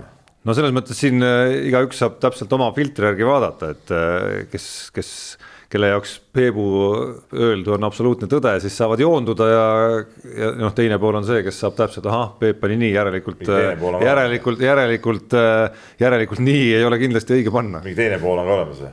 no on olemas, Peep, jah. ei usu sa tahad mingid rumalad inimesed. see on vale pool. ja ei, loomulikult. ja vale pool, õige Jaan, see on vale pool, täpselt. no lihtsalt ütleme, paljudel läheb kaua aega, et sellest aru saada ja mõni ei saagi see on vale pool, kus nad on? nii, võtame järgmise teema ja. jätku mõistatuseks, kumb, kummal poolel läheb kaua aega. nii, võtame järgmise teema ja, ja olgem ausad, noh, ma, ma, ma ei taha muutuda dramaatiliseks, et, et a la ma sain šoki, aga tegelikult ega ma ei, ma väga ei uskunud oma silmi, kui ma, kui ma lugesin seda uudist kui selgus, et, et Rahvusvaheline Olümpiakomitee oli kutsunud kokku teatud äh, ametnikud, teatud spordialaliitude juhid, pluss riikide olümpiakomiteedest äh, Ameerika Ühendriigid, Hiina ja Venemaa ja hakkasid otsustama, kas Vene sportlased peaksid tulema suurte sporti tagasi ja kas äh, peaksid nad saama võistelda Pariisi olümpial. Ja vastus oli jah ja nüüd otsitakse võimalust, kuidas saab venelased äh, spordimaailma tagasi leida. oli, no kuule, sa kutsud äh, ameeriklased, hiinlased ja, ja venelased kutsud arutama, aga Ukraina, jah, aga Ukrainat äh, kellele siis Venemaa kallale tungis, teda ei kutsu, on ju, eks. no nojah, jah. ei no masend-, no tegelikult on ikka päris jabur, aga, aga noh, see see tekitabki sellesama jõuetuse natuke nagu seesama, kogu see Katari ümber, kui sa nagu ümber toimub, kui sa näed, kuidas nagu päriselt toimub, kuidas käib äraostmine, no kõik, kõik, kõik see jada on ju, et kui räpane see kõik nagu olla saab. et noh, siis, siis kunagi tahaks seda jada täpselt samamoodi näha, mismoodi, mismoodi need mõttemehhanismid käivad seal, noh eriti, eriti ROK-is ja eriti siis USA olümpiakomitees. ja, ja kui, kui ma rääkisin EOK peasekretäri Siim Suklesega, siis tema ütles, et, et kui äh, ROK paneks selle hääletusele siis oleks ülekaalukas võit Venemaa lubamisele spordiellu tagasi, sellepärast et no ja, ja puhtalt öeldaksegi, et igal pool käib sõda, et, et noh, et mis sellest siis imelik on, et Vene, Venemaa Ukrainale kallale läheb, eks. nojah, eks, eks vaata asi ongi selles, et ega meie suhtume ju nendesse kuskil Aafrikas või jumal teab kus toimuvat sõdadesse samamoodi nagu nagu sealsed inimesed suhtuvad eh, sellesse sättena, ega nii ongi tegelikult. jah, aga, aga vaata, siit läheb nüüd eh, ühesõnaga edasi. on see, et, et ainukene võimalus tõrjuda seda Venemaad Pariisi olümpialt on see, et kui me, si-, siin ei maksa, eh, no nagu Sukles ütles, Skandinaavia ja Baltikum, öeldi, et te olete mitte keegi, te olete täiesti niisugune pisike, pisikesed, et siin nüüd peaksid, pea, ameeriklased on juba ROK-i poolel, nii, siin peaks suured spordiriigid äh,, Austraalia, Uus-Meremaa äh,, Prantsusmaa, Saksamaa ja kõik, kõik need ütlema, et ei, see ei ole okei okay. ja, ja ütlema, et kui nii juhtub, siis umbes niimoodi, et, et ähvardama boikotiga ma kuulasin seda, ERR-is oli pandud selle vaataja-kuulaja küsimuseks, et kas Eesti peaks boikoteerima, kui Pariisis toimuksid olümpiamängud koos venelastega. enamus inimesi arvas, et jah, meie peaksime boikoteerima. kuulge, tulge mõistusele, needsamad sõjaardid, Valgevene ja venelane, venelased võidavad seal medaleid ja meie oleme nagu tropid, vaatame seda kõike kõrvalt pealt, meie ju kannatame lõpuks. no sa, teisest küljest sa peadki valmis või... olema, kui sa lähed seda mängu mängima, et, et me boikoteerime seda. Ja me lähmegi selle ähvardusega, siis sa pead olema valmis ka lõpuni minema seal. Ja, ja, seis, ja seismagi oma põhimõtetest lõpuni. ei, aga oota, Tarmo. üldse kõige nõmedam asi maailmas. Tarmo, vot siin ongi küsimus. Mitte Põhjamaad Ei, mitte on- Põhjamaad ja Eesti ütlevad, me boikoteerime. sellest on muidugi, ei, ma tahtsingi sinna, ma tahtsingi sinna jõuda, et et kui sa nüüd vaatad nagu noh, laiemalt lähed spordist välja, siis noh, justkui Läänemaal või Euroopa tervikuna on äh, olnud nagu noh, üldjoontes ju päris tubli reageerija, et äh, selline impotentseks peetud Euroopa on osutunud nagu sõjaolukorras No ka väheks, ei no. Euroopa, kui me räägime juba suuremast osast Euroopast ja kui, rohkem kui Põhjamaadest ja Baltikumist et siis ei, ei ma ei räägi vastu hääletamisest, vaid sellest, et ongi reaalne nagu suurem osa Euroopast, kes ütleb, et kui, kui see seda teed läheb, siis me ei tule. Siis see on see mehhanism, kuidas ka peatada seda protsessi. aga kui see on ainult Põhjamaad ja, ja Põhjamaad ja Eesti, Läti, Leedu ja Poola, noh siis, siis võimalik, et to- toimubki olümpia ilma kogu selle regioonita lõpuks. Ja, ja, ja, ja ääretult minnakse edasi selle protsessiga. nagu et seda tuleks torpedeerida nagu igal võimalikul viisil. saad aru, et sellisel juhul, kui, kui neid riike pole ja nagu Jaan ütles, Venemaa, Valgevene võtavad sealt eh, hunniku medaleid, siis see tõstab nende rahva seda eneseväärikust ja tuhhi nagu, nagu kõvasti-kõvasti kõrgemale, ega seal keegi sellele tähelepanu ei pööra, et need mingid osad riigid olid puudused, noh. Ja loomulikult ei vaata. noh. et üks, millest ma, ma tunnistan ausalt, ma ei ole lugenud, ei ole sattunud lugema, et, et mis mehhanism ajab, ajab siis noh, selles sõjas ikkagi ka väga olulist rolli mängivad, mängiva USA olümpiakomiteed seda liini nagu ajama. Ei, aga- et seal on kindlasti mingi lugu taga, mida, millega ma lihtsalt ei ole kursis. seal ju, vaadanud, seda. tähendab, pakuti välja, et asi on lihtsalt puhtalt raha küsimus see on, see on puhtalt raha küsimus, ütleme niimoodi, et, et vaata, televaatajad ei hakka vaatama ja, ja, ja kuskil ei ole see, et, et ameeriklased panid nüüd Austraaliale ära, kedagi ei koti. Kogu võitlus on eluaeg käinud venelaste vastu, Ameerika versus ja Venemaa. selge see, et ilma Venemaata sport, maailma sport on ebahuvitav, see on nagu. No võta praegu Nurdmaa suusatamine, võta- sellepärast sellepärast üritatakse neid tagasi tuua, et, et tõsta seda huvi olümpial, noh. Ja- see ja- on ja- nagu loogiline. noh. jaa, aga no on, no rahast on nagu olulisemaid Ei, ei, me räägime, mis-. mis ei, ma lihtsalt nagu vaidlen vastu asja point sinisilmselt on? ju, ei et, ei, nagu sa võid mulle vastu vaielda, aga mine vaidle ameeriklastele, kui seal on eh, telekompanii ütleb, et, et teile kõik, me lõpetame selle sponsorluse ära, võib-olla seal on veel mitmed sponsorid ütlevad ka, et, et kuulge. no noh. ameeriklased on sellest sõjast nii kaugel, et neil on tegelikult täiesti ükspuha et sellest, et noh. nii nagu kui praegu käiks näiteks, ma ei tea, Ameerika tungi- tungiks kallale mõnele seal oma, oma väiksele naabrile, eks ole. no olgem ausad, meil oleks siis ka, me ei teeks öö, öö, mingit öö, silmapilku. noh, riigina ta ei ole ju kaugel, eks, et rahvana jah, võib-olla jääb see kaugeks, aga riigina ta ei ole kaugel mis riigina? riigina noh, selles mõttes oma osalusega ukrainlaste aitamise kõige sellega. ega riik ja rahvas ei ole üks sama ju. meil ka siin ju riik korraldab aeg-ajalt, teeb mingeid asju, ega see, see rahvas kõik, kõik need asju nagu nõus on, mis riik teeb. No, asi. ei no lihtsalt olümpiakomitee on noh, siiski riigiga mingil määral seotud. ei, olümpiakomitee on täiesti sõltumatu organ peab olema, ta ei ole üldse kellegagi seotud, on minu arust nii ju. no pe- peaks olema nii vähemalt jah.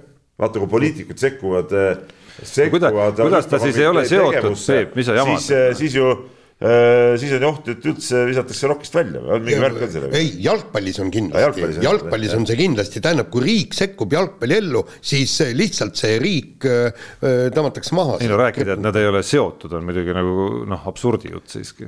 kus see, kus see eelarve suuremas osas tuleb näiteks? ei no, no eelarve, ma räägin nagu ütleme, siukeste ideoloogilistest küsimustest, nad ei saa mm. nagu peale suruda midagi. No nii, ega siit nagu hea lahenduseni ei jõua selles jutus, vahetame teemat ja läheme ralli juurde.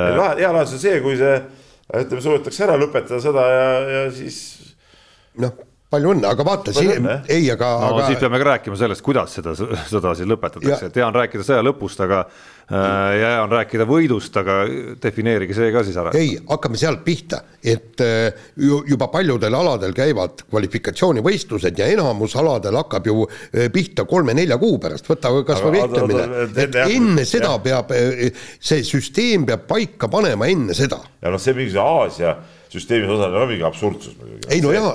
See aga paljudel, paljudel aladel eh, see, sa ei saa maailmajagude põhjal panna, see on ju üldine maailma mingi ei, stopp reiting on ka., vaata, seal on see, et, et kui sa kvalifitseerud aegade põhjal, nagu äh, räägitakse ujumisest et siis ei ole vahet, kas sa ujud Euroopas või Aasias, aga, aga näiteks vehklemises. vehklemises ei. punkte koguma ju. jaa, aga seal vaata see, no aga seal on Hiina nagunii nii tugev noh, a la mhm. Aasias noh ei, ei, no tegelikult enamus punkte sa kogud ikkagi tähendab MK-etappidel, eks, ja, ja, ja e-, esimesed punktid korjatakse, hakatakse koguma juba märtsikuus, tähendab, ühesõnaga enne märtsi peab asi selge olema. Kas venelased lubatakse öö, ei no okei okay,, tegelikult saab ju seal pärast teha ka mingeid, no vaata no. nii nagu a la nagu Eesti korvpallikoondis üheksakümmend kolm pääses EM-finaalturniiril, eks ole, no alati saab teha no mingeid, mängisime ju ka üheksakümmend kaks olümpiavalikturniiri. ja, ja, ja saab teha mingeid lisa, lisaasju, aga noh, selleks peavad olema ikkagi teatud tingimused äh, täidetud, noh, et see üldse saaks nagu ja, no, aga, tulla nagu. no jaa, aga sa ei saa näiteks vehklemisest teha, kui sul on lubatud kaheksa koondist olümpiale, on ju ja, ja siis järsku tähendab, kõik vehklevad ära ja siis öeldakse ei, me paneme no, siis sellel ajal ei saa, no aga midagi teha ei ole, noh. siis saavad endale proovida, kus on võimalik saada, noh räägime rallist natukene ka, nädal on toonud uudiseid nii palju, et äh, Ott Tänaku kõrval M-spordis hakkab sõitma Pierre-Louis Loubet. Äh, on toonud uudiseid selle kohta, kuidas koostöö Sebastian Loebiga võib M-spordil üldse äkki otsa saada. Ja on toonud uudise, kuidas see ei ole küll vist ametlikult kinnitatud. ametlik, nüüd on ametlikult kinnitatud ka, et Monte Carlos istub siis M-spordi kolmandasse autosse.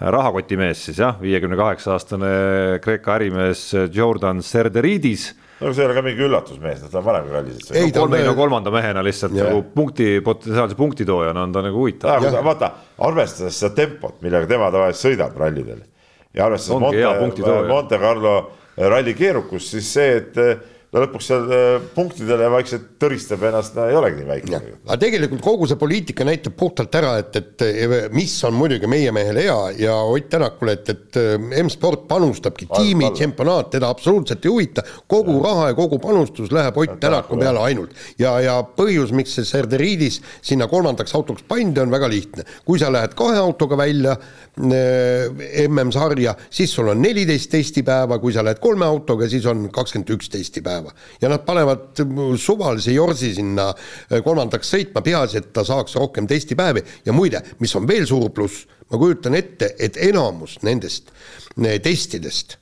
läheb äh, Ott Tänakule, okei okay,, Lube saab ka öö, testida. ei, ei, ega siis muidugi peab saama. aga, aga Serderiidis, tema puh-, püükigu suu puhtaks. aga vot ma ei tea, kuidas see on niimoodi, vaata, kui on kas teine mees ja, saab, saab, saab teises sõita? et seal, seal oli, soomlased kirjutasid selle testisüsteemi lahti, ütlesid, et, et sul on need kakskümmend üks testipäeva sa võid need kulutada ükstapuha millal ja ükstapuha kellele. ehk siis sa võid enne Monte Carlo rallit anda Tänakule kümme päeva testida ja, ja, ja siis nii ongi. aga, aga sellega on sul kümme päeva ära kulutatud kas äh, Ott Tänaku intervjuud Kalev Kruusile olete kuulanud? ja, ja, ja olen kuulanud jah. ja intervjuu oli. mis tunne jäi? aastaga maailmameistriks? no vähemalt poiss on enesekindel no,. jah, eesmärk on, mis seal ikka, ma ei oska muud midagi ütelda ei, absoluutselt, ega lõppkokkuvõttes ju muud sõnumit ei tahagi kuulda tema suust, kui, kui seda nagu otsustavust, ütleme siis niimoodi. mitte mingisugust triku peale minekut, et vaatame, mis saab ja, ja kuidas saab eks seal huvitavaid kohti oli ju, oli ju veel iseenesest, et eks seal väiksed torked tulid loomulikult ära, kuidas Terrine Vill, kuidas ta ütleski, äh, suutis Kalju, auto Kalju, Kaljult alla visata või mis see väljend seal tuli no aga oligi nii ju. mõned peened torked olid seal olemas nii Neville'i suunas kui ka soomlaste suunas, kes, kes, äh, kes on teda torkinud omakorda. Äh, ja, ja loomulikult meedia poole peal samamoodi no.. aga laseme kõlli siis. laseme kõlli. kiire vahemäng ja, ja Tartu. ma ütlen vahele, need Rubinniku mehed siuksed, et kord nad panevad selle kõlari eh, karjuma siia, eks ole ja siis eh, muidugi nii, et praegu ma ei kuulnudki, oli üldse kõll? oli jah, ma kuskilt, kuskilt vaikselt, saab pese kõrva. väga hästi oli kuulda, Peep. väga hästi. jaa, väga, absoluutselt. noh, hästi on muidugi palju öeldud, aga oli kuulda. nii, Tartu Bigbanki võrkpallimeeskond eh, tuli euromängult tagasi, reisisid nelikümmend kaheksa tundi, jõudsid hommikul kell seitse eh, alles Tartusse, poisid läksid tuttu Eh, õhtul tuldi saali ja, ja purustati siis äh, ka Eesti karikafinaalist Selver TPI kolm-null. et äh, noh, võimas esitus. Pole teil vaja sinna Lätti ka sõita mingi eelmisel päeval siin no, Eesti-Läti liigas. ega me ei sõidagi. Ei sõida, ei ole sõitnud või? ei no siis kui kaugema otsa, aga lühema otsa peale, Riia otsa peale kindlasti me ei sõida eelmine päev. okei okay,, esimesel mängul käisime, aga nüüd ma lähen üheksandal lähen VEF-iga mängima, ma lähme ikka otse nagu, muidugi. ei, ei ole nii pikk ots. ei, aga tegelikult ma, ma kujutan ette, noh, nad, nad kõik rääkisid, et on umbes olid tigedad, et, et Selver ei olnud valmis seda mängu edasi lükkama, ta-ta-ta, kõik muu, eks. noh, kuigi seda oli raske edasi lükata tele, teleajal. ei no jaa, aga tavaliselt sihukeses olukorras tulevad, kui mehed võtavad ennast hästi kokku ja, ja panevadki ära, noh. noh, just. see on sama, see Kalev Cramo efekt, sama asi täpselt. Noh. jah, et äh, midagi pole öelda, hurraa ja, ja lõpetage see TalTech ära, see on sel-, Selver TPI, on ju nii? õige, Tallinna Polütehniline Instituut. lennundusest on rääkimas ka järgmine teema, nii nagu saadetki lennundusteemadega alustasime. lennufirma kaotas ära osa Kristjan Ilvese varustusest, mistõttu leppis siis äh, Ilves Ramsau MK-etapil äh, võõra varustusega, ütleme niimoodi, ja kohtadega teises kümnes varustusest sõltumata ikkagi on on nagu nii-öelda hooaja kulg väga selgelt ühes mustris, et, et suusakiirust on, aga aga hüppekindlust ei leia kuidagi. no jaa, no võõra varustusega õnneks tal ei no kuule, tal ei ole hüppekindlust olnud ka oma varustuses. ei no seda küll, aga vähemalt see oli hea, et, et kombinesoon jõudis kohale, sellepärast et need on täpselt keha järgi õmmeldud, ta poleks saanudki võistlema tulla, aga minu jaoks on ikkagi jällegi üllatus see, et, et kuulge, halloo, me oleme kakskümmend üks sajand no selle varustuse võiks ju kuidagi üles leida ja ära tuua, mul on ju ka varustust ka, mitmel puhul ära kadunud, aga. me olime Margusega seal äh, Sardiinia rallil vist ja eh, Marguse kott jäi maha ja jõudis, jõudis kohale eh, niimoodi õhtul, et järgmine hommik hakkas tagasi tulema. Noh. no aga te saa-. Si ei no jaa, kusjuures tal oli veel seal mingi eh, lisaakud olid seal sees vist või akulaadija või mingi asi mm. ikka nii jama oli sellega. ei no jaa, aga tegelikult siis sa saad ju mingi kompensatsiooni. no ostis jah mingid riided, aga, aga noh, ma räägin, seal olid mingid vajalikud asjad olid seal mm.. noh ja me olime Sardiinias ju mingi peaaegu nädal aega peaaegu. ja, jah. ei tea, ei tulnud, ei tulnud, niimoodi. noh, ütleme niimoodi, et, et loodame, et äh, ühel hetkel saab Ilves varustuse kätte ja Otepääst algab siis see tõus. kuigi olgem ausad, me tegelikult, ma vaatasin ka mingit Riiberi hooajaliselt intervjuud, kus ta ka ütles, et Ilves võiks olla tal üks ohtlikumaid konkurente sel no, hooajal, aga ütleme sellist äh, ütleme jalaga ukse lahti löömist nagu võib-olla sai oodatud, ei ole toimunud. no jaa, aga siin on ju väga selge ka, et ega isegi kui sõidukiirus on paranenud, siis ega ta ei ole muutunud äh, selle karusselli kõige kiiremaks või top viis sõidumeheks, ehk siis kui ikka hüppeid ei ole, siis, siis no. siis, siis, siis, siis, siis sa lihtsalt ei ole seal tipus ja kogu lugu noh nii, aga Kelly Silderus siin ennist juba rääkisime ja, ja, ja tuleb veel rääkida, et rennisõidu MK-etapil sai ta kolmanda koha siis Ameerikas ja ja see on tubli töö, aga kuidagi asjad on muutunud, et vanasti said sai vähemalt võite, siis nüüd tuleb harjuda medalite üle rõõmustamisega. ja tore, kui üldse poodiumile saab. päris karm karjäärikäik, kus sa alustuseks äh, teismelisena ja hilisteismelisena hellitad kõik ära oma võitudega, sellega, et sa ei kaotagi mitte kunagi, kaotus on siis teine koht on kaotus. et seda ei juhtugi kunagi ja siis äh, edasi kulgeb karjäär niimoodi, et äh, kolmanda koha peale kehitatakse õlgu aga, lihtsalt. aga mõelge, kui pagana igav oleks, kui kogu aeg võidaks, ilgelt igav oleks. ei no kindlasti. seda number üks, teiseks eks ta sai oma võidud ka siis, kui see ala oli ikka veel nagu lapsekingades ja, ja nii tõsiselt. vaata, tollal oli see ikka see fun ala nagu ja nemad mm. olid esimesed, kes hakkasid tõsiselt seda tegema. aga nüüd mulle tundub, et neid nii-öelda tõsiselt tegijate arv on, on nagu tõusnud ja see tase tervikuna on ikkagi nagu paranenud. no küsimus on selles, kas tema tase on sama või on langenud? no ütleme niimoodi, et, et mina, mina ütleksin, et, et no tase on enam-vähem sama, no vot siin ongi see. aga ei ole no, toimunud suurt arenguhüpet. ei ole isegi üldse arenguhüpet ja. ja vaata see, ma saaksin aru, et, et kui need kolmandad tuha, kohad tuleks selle pealt, et kõik nagu lähevad edasi suurte sammudega ja lihtsalt sul noh, nagu ei õn-, sa, sa arened teistega kaasa, aga sul ei õnnestu teatud detailid ja kõik nii. aga nüüd ma vaatasin seda Renni sõitu, mis ta, mis talle selle kolmanda koha äh, tõi, no hüppas täpselt see, nii nagu äh, kõik need aastad on hüpanud nagu pulk, on ju, pead ei suuda isegi natukenegi allapoole kallutada ega kõik me, meil ei ole mitte mingisugust juttu kahekordsest saltost, mida ta pidi hakkama tegema juba, mis oli kuus-seitse aastat tagasi. nojah, aga kui see käib talle üle jõu, noh. No järelikult ongi niimoodi ja, ja me peame sellega leppima, et see ongi tema tase ja kui teised lähevad mööda, siis äh, praegu on hea, et on kolmas, siis neljas, viies, kuues, seitsmes. MK-sarjades medalite võtmine on nagu halb tase no.. ei ole, ei, ole, ei kindlasti ei ole. sellega nõus ei ole no.. ei, aga, aga seal ma tahaks näha võitlust esikoha nimel. ei tahaks muidugi, muidugi tahaks näha, et, et võetakse uusi asju ja aga, aga ma kardan, et, et me ei pruugi neid üldse nähagi kunagi. no jah, just nii, võtame järgmise teema ja poisid, ärge liiga pikalt sellest rääkige. Tarmo tormas meil, mis see oli, eile tormasid sporditoimetusse ja hakkasid kiitma Maik-Kalev Kotsarit ja Sander Raiestet ja Victoria Baskonia klubi, kes, kes olla ja ilmselt ongi kõige kuumem meeskond praegu Euroopas, kaheksa võitu järjest ja, ja möllab Euroliigas, möllab koduliigas ja et, et, et kõik on hirmus vägev, et tundub, et, et ongi vägev. no hetkel ongi vägev jah, et siin on nüüd kaks teemat muidugi saanud rõõmustavalt kokku.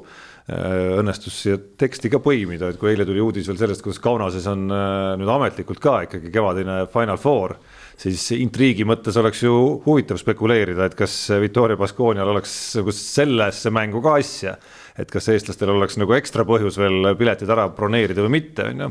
Aga tegelikult noh, okei okay,, seda lihtne on vaadata seda Baskonia käekäiku siin natuke sinimustvalgete prillidega ka.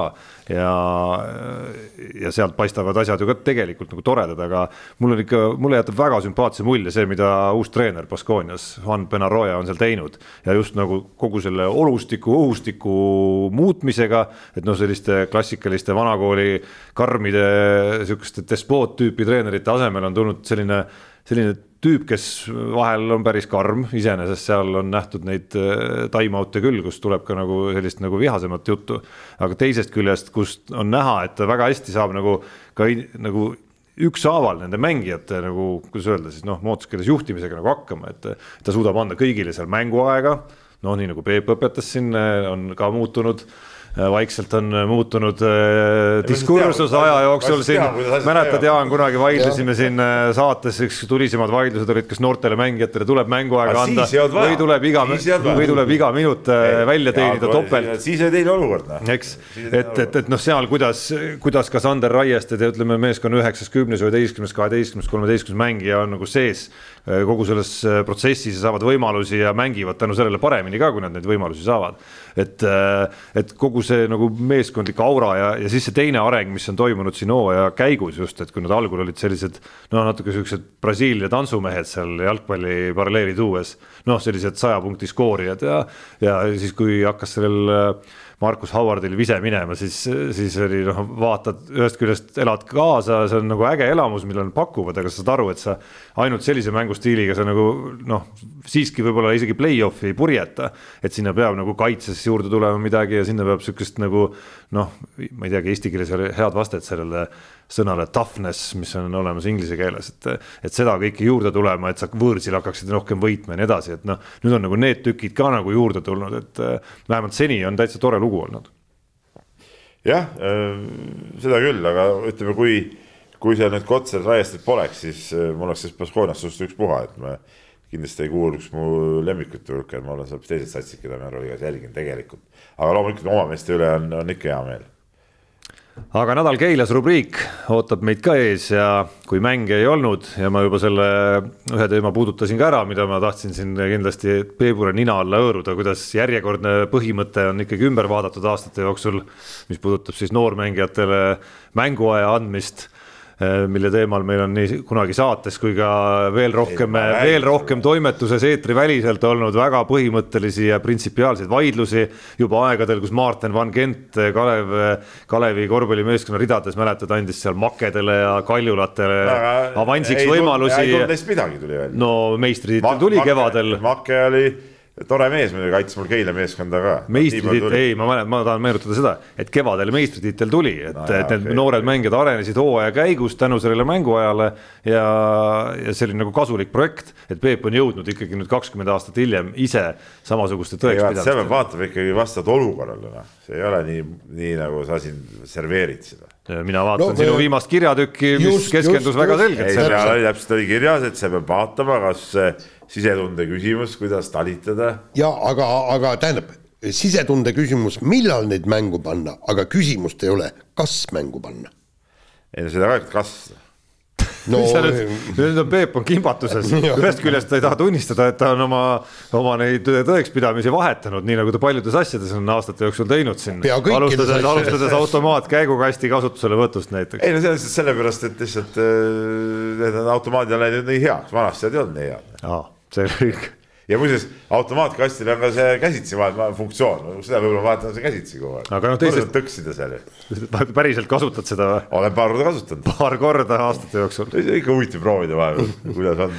et see ühest küljest on see kimbatus ja siis teisest küljest nagu ei taha nagu noh, tahaks ikkagi öelda, seista oma kirjatükis äh, kirjutatu selja taga ka et noortele mänguaja andmine siiski Jaa. nagu on oluline. ja, aga no seal peab vaatama, kes teises liigas, kes meistriliigas, kui palju, mismoodi. ei, mu jutu mõte oli see, et ei ole, et ei pandaks nii nagu enamus äh, aegadel on tehtud, et kuskil viimased kaks prügiminutit, siis paneme kõik viis korraga sisse. et see on nagu jurana, seda ei tohi nagu teha.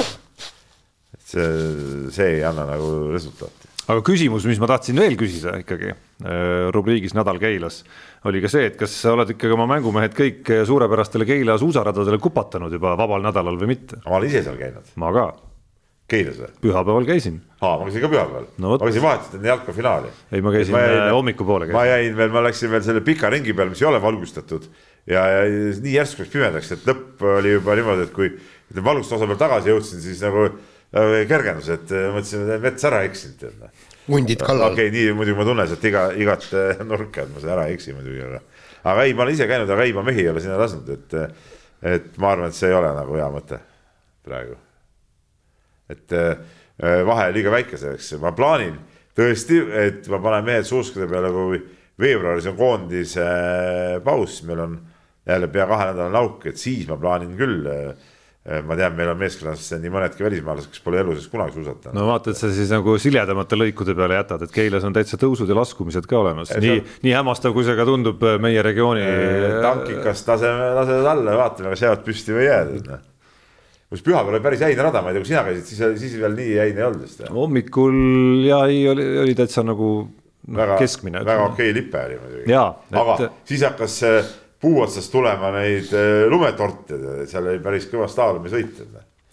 Aga eks selle kü- küsimuse mõte natukene oli edastada taaskord kiitust ka rajameistrile, et, et Jaa. tõesti on superkorras rada, selle, selle regiooni parim tundub mulle, kes ma ikka olen otsinud ja vaadanud neid noh, kõik sisuliselt läbi, mis siin, mis siin olemas on, Järved ja Piritad ja Jürid ja, ja nii edasi. vot nii, aga jah, ei, mehed ei ole suusatanud. laseme nüüd kõlli Unibetis saab tasuta vaadata aastas enam kui viiekümne tuhande mängu otseülekannet. seda isegi mobiilis ja tahvelarvutis. Unibet, mängijatelt mängijatele.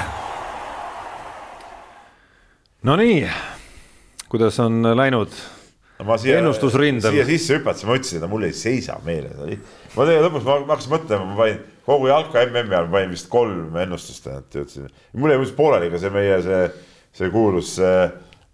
See jäi mul ka pooleli, unustasin ära, unustasin ära ja sihukeste meestega ikka rallit sõita nagu ei saa, noh, jaa. aga kust sul meeles on üks asi? no mis võtad kohustuse, hoiad meeles, pane kirja siis, kui ei ole meeles. no ei, aga ma unustan vaadata seda, mis on kirjas. mul on meeles ära kirja panna. kuidas see nüüd nii lootusetuks läinud on on? küll täiesti, täiesti lootus. kuule, jõuad meie vanusesse, see on ikka täitsa kohutav. See on päris hirmutav väljavaade muidugi mis. aasta võttis seda enam? no vähemalt olite te ma läksin oma, hommikul duši alla ja ma ei tea, kas mul tuli see aasta arv. Kuule, ärge. hakkasin mõtlema, et, mingid asjad võite enda teada ka jätta muidugi. et kas on, kas on juba kaks tuhat kakskümmend kolm lõpp, kaks tuhat kaks lõpp. vähemalt suutsite te unustada suhteliselt tasavägiselt omavahel, et kui ma Mehed ei nuta äh, meie jalgpalliennustuse, Delfi spordi jalgpalliennustuse Peaaegu lõputabelit vaatan äh, ja Mehed ei nuta gruppi sisenen, siis äh, Jaan Martinson kohal sada kaksteist ja Peep Pahv kohal sada kuusteist, Ah, nii et vähemalt jah. pidasite koos üksteise võidu palju unustades see osalejaid oli?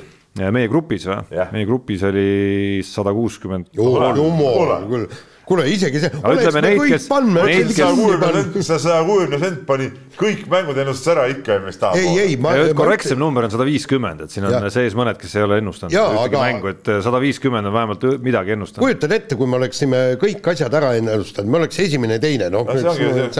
Ja oleks, Ja oleks. ei no miks ei oleks, noh See-, kindlasti oleks. tüüpiline spordimees ikkagi, oleks, ma teinud seda, oleks ma kõik märgid pihta lasknud, küll ma oleks siis võitnud valgusaastaga. aga sa panid tähele, Tuuli Tomiga sai päris huvitava intervjuu seal äh, pärast vist leedis ütles, et aga see rada oli siin selline, et ei saanudki nagu aru, et äh, nagu mingit pingutust nagu ei olnudki tead, seal nii. ei, aga ta sõitis jälle väga hea suusaja sõitis jah, välja. väga hea suusa on ka nagu. no, no ütleme niimoodi, Eesti mõistes väga hea suusaja.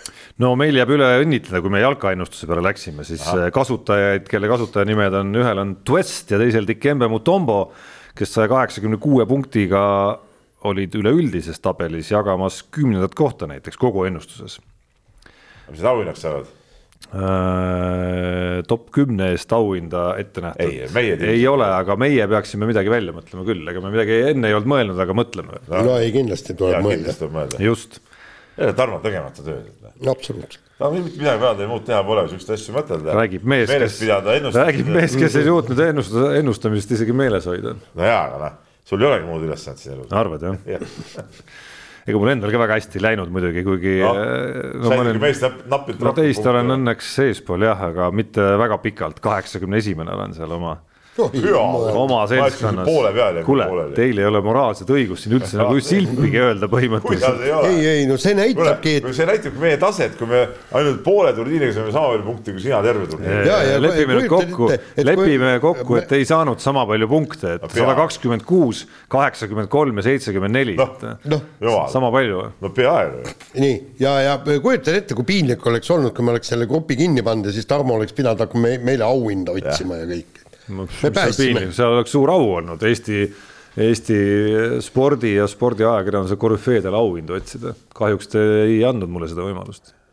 noh, paluks järgmine kord paremini. ei tahtnud sul liiga teha, nii, nii.. nii, ühesõnaga me saime vastuse selle, selles osas, et äh, unustaja Peep ei ole ennustanud. Jaan, ma Ja- tean, ennustas, ennustas, aga no, ei suurema eduta. ja ei, ma sain, ma sain, mul oli enne oli mingi nõksa peale saja, nüüd ma sain kahesaja peale tagasi ja nüüd ma noh, vaatan võib-olla Ameerika jalgpalli mõned panused. noh, kuidas läheb ja saab näha. okei okay,, no ma tammusin paigal kahe panusega, millest ühe võitsin, teise kaotasin, üks võidetud panus oli äh, Euroliigas mäng käis juba, kui ma panin selle peale, et Slovenia Zvezda võidab Kaunas Žalgiris ikkagi ai, nihuke mees oled. ja teine Omade vastu panid, ja teine, mis on mingi uudis sinu jaoks, et No. Ma mõtlesin, et sul on ikka kihla panemise, kihla panemise strateegia on ka olemas. ja teine oli siis see, kus ma läksin äh, karika poolfinaali eel, läksin äh, natuke, olin ka uinutatud ära sellest iseenda ja, ja, ja ka sinu jutust ikkagi noh, autoriteet ikkagi et äh, Tartul, Tartu võiks, Tartul võiks nagu hea variant olla Kalev Cramo vastu, praktikas muidugi ei olnud, aga koefitsient vääris proovimist. küsi tartlaste käest, siis Taltses maksab välja. selle küsin tagasi jah, Märt Rosenthal või Janar Talts, ei no Taltses, Taltses küsib edasi meeste käest, kui vaja on. jah. vot nii, nii, ja lähme kirjade juurde või? jaa.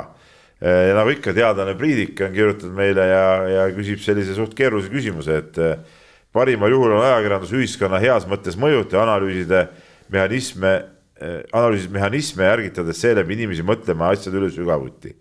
kas te leiate, et Eesti spordiajakirjandus on sellega hakkama saanud või on tagantjärele tarkusest võimalik välja tuua mõned läbikukkumised, mille puhul Eesti spordiajakirjandus poleks pidanud pikemas perspektiivis midagi teistmoodi tegema? no ütleme niimoodi, ma kirjutangi just äh, selleteemalist kommentaari, ma ei tea, millal see ilmub ja, ja põhimõtteliselt äh, no kõik see nii-öelda neljas võim ja ta-ta-ta kõik, mis, mida me oleme, kõik need kommentaarid ma olen sealt igasugust leidnud, aga ma küsin eile ka ühe hea kommentaari nii. liiklusest, lugesite või? ja lugesin nõustud või? ei nõustu Miks? lõpuni.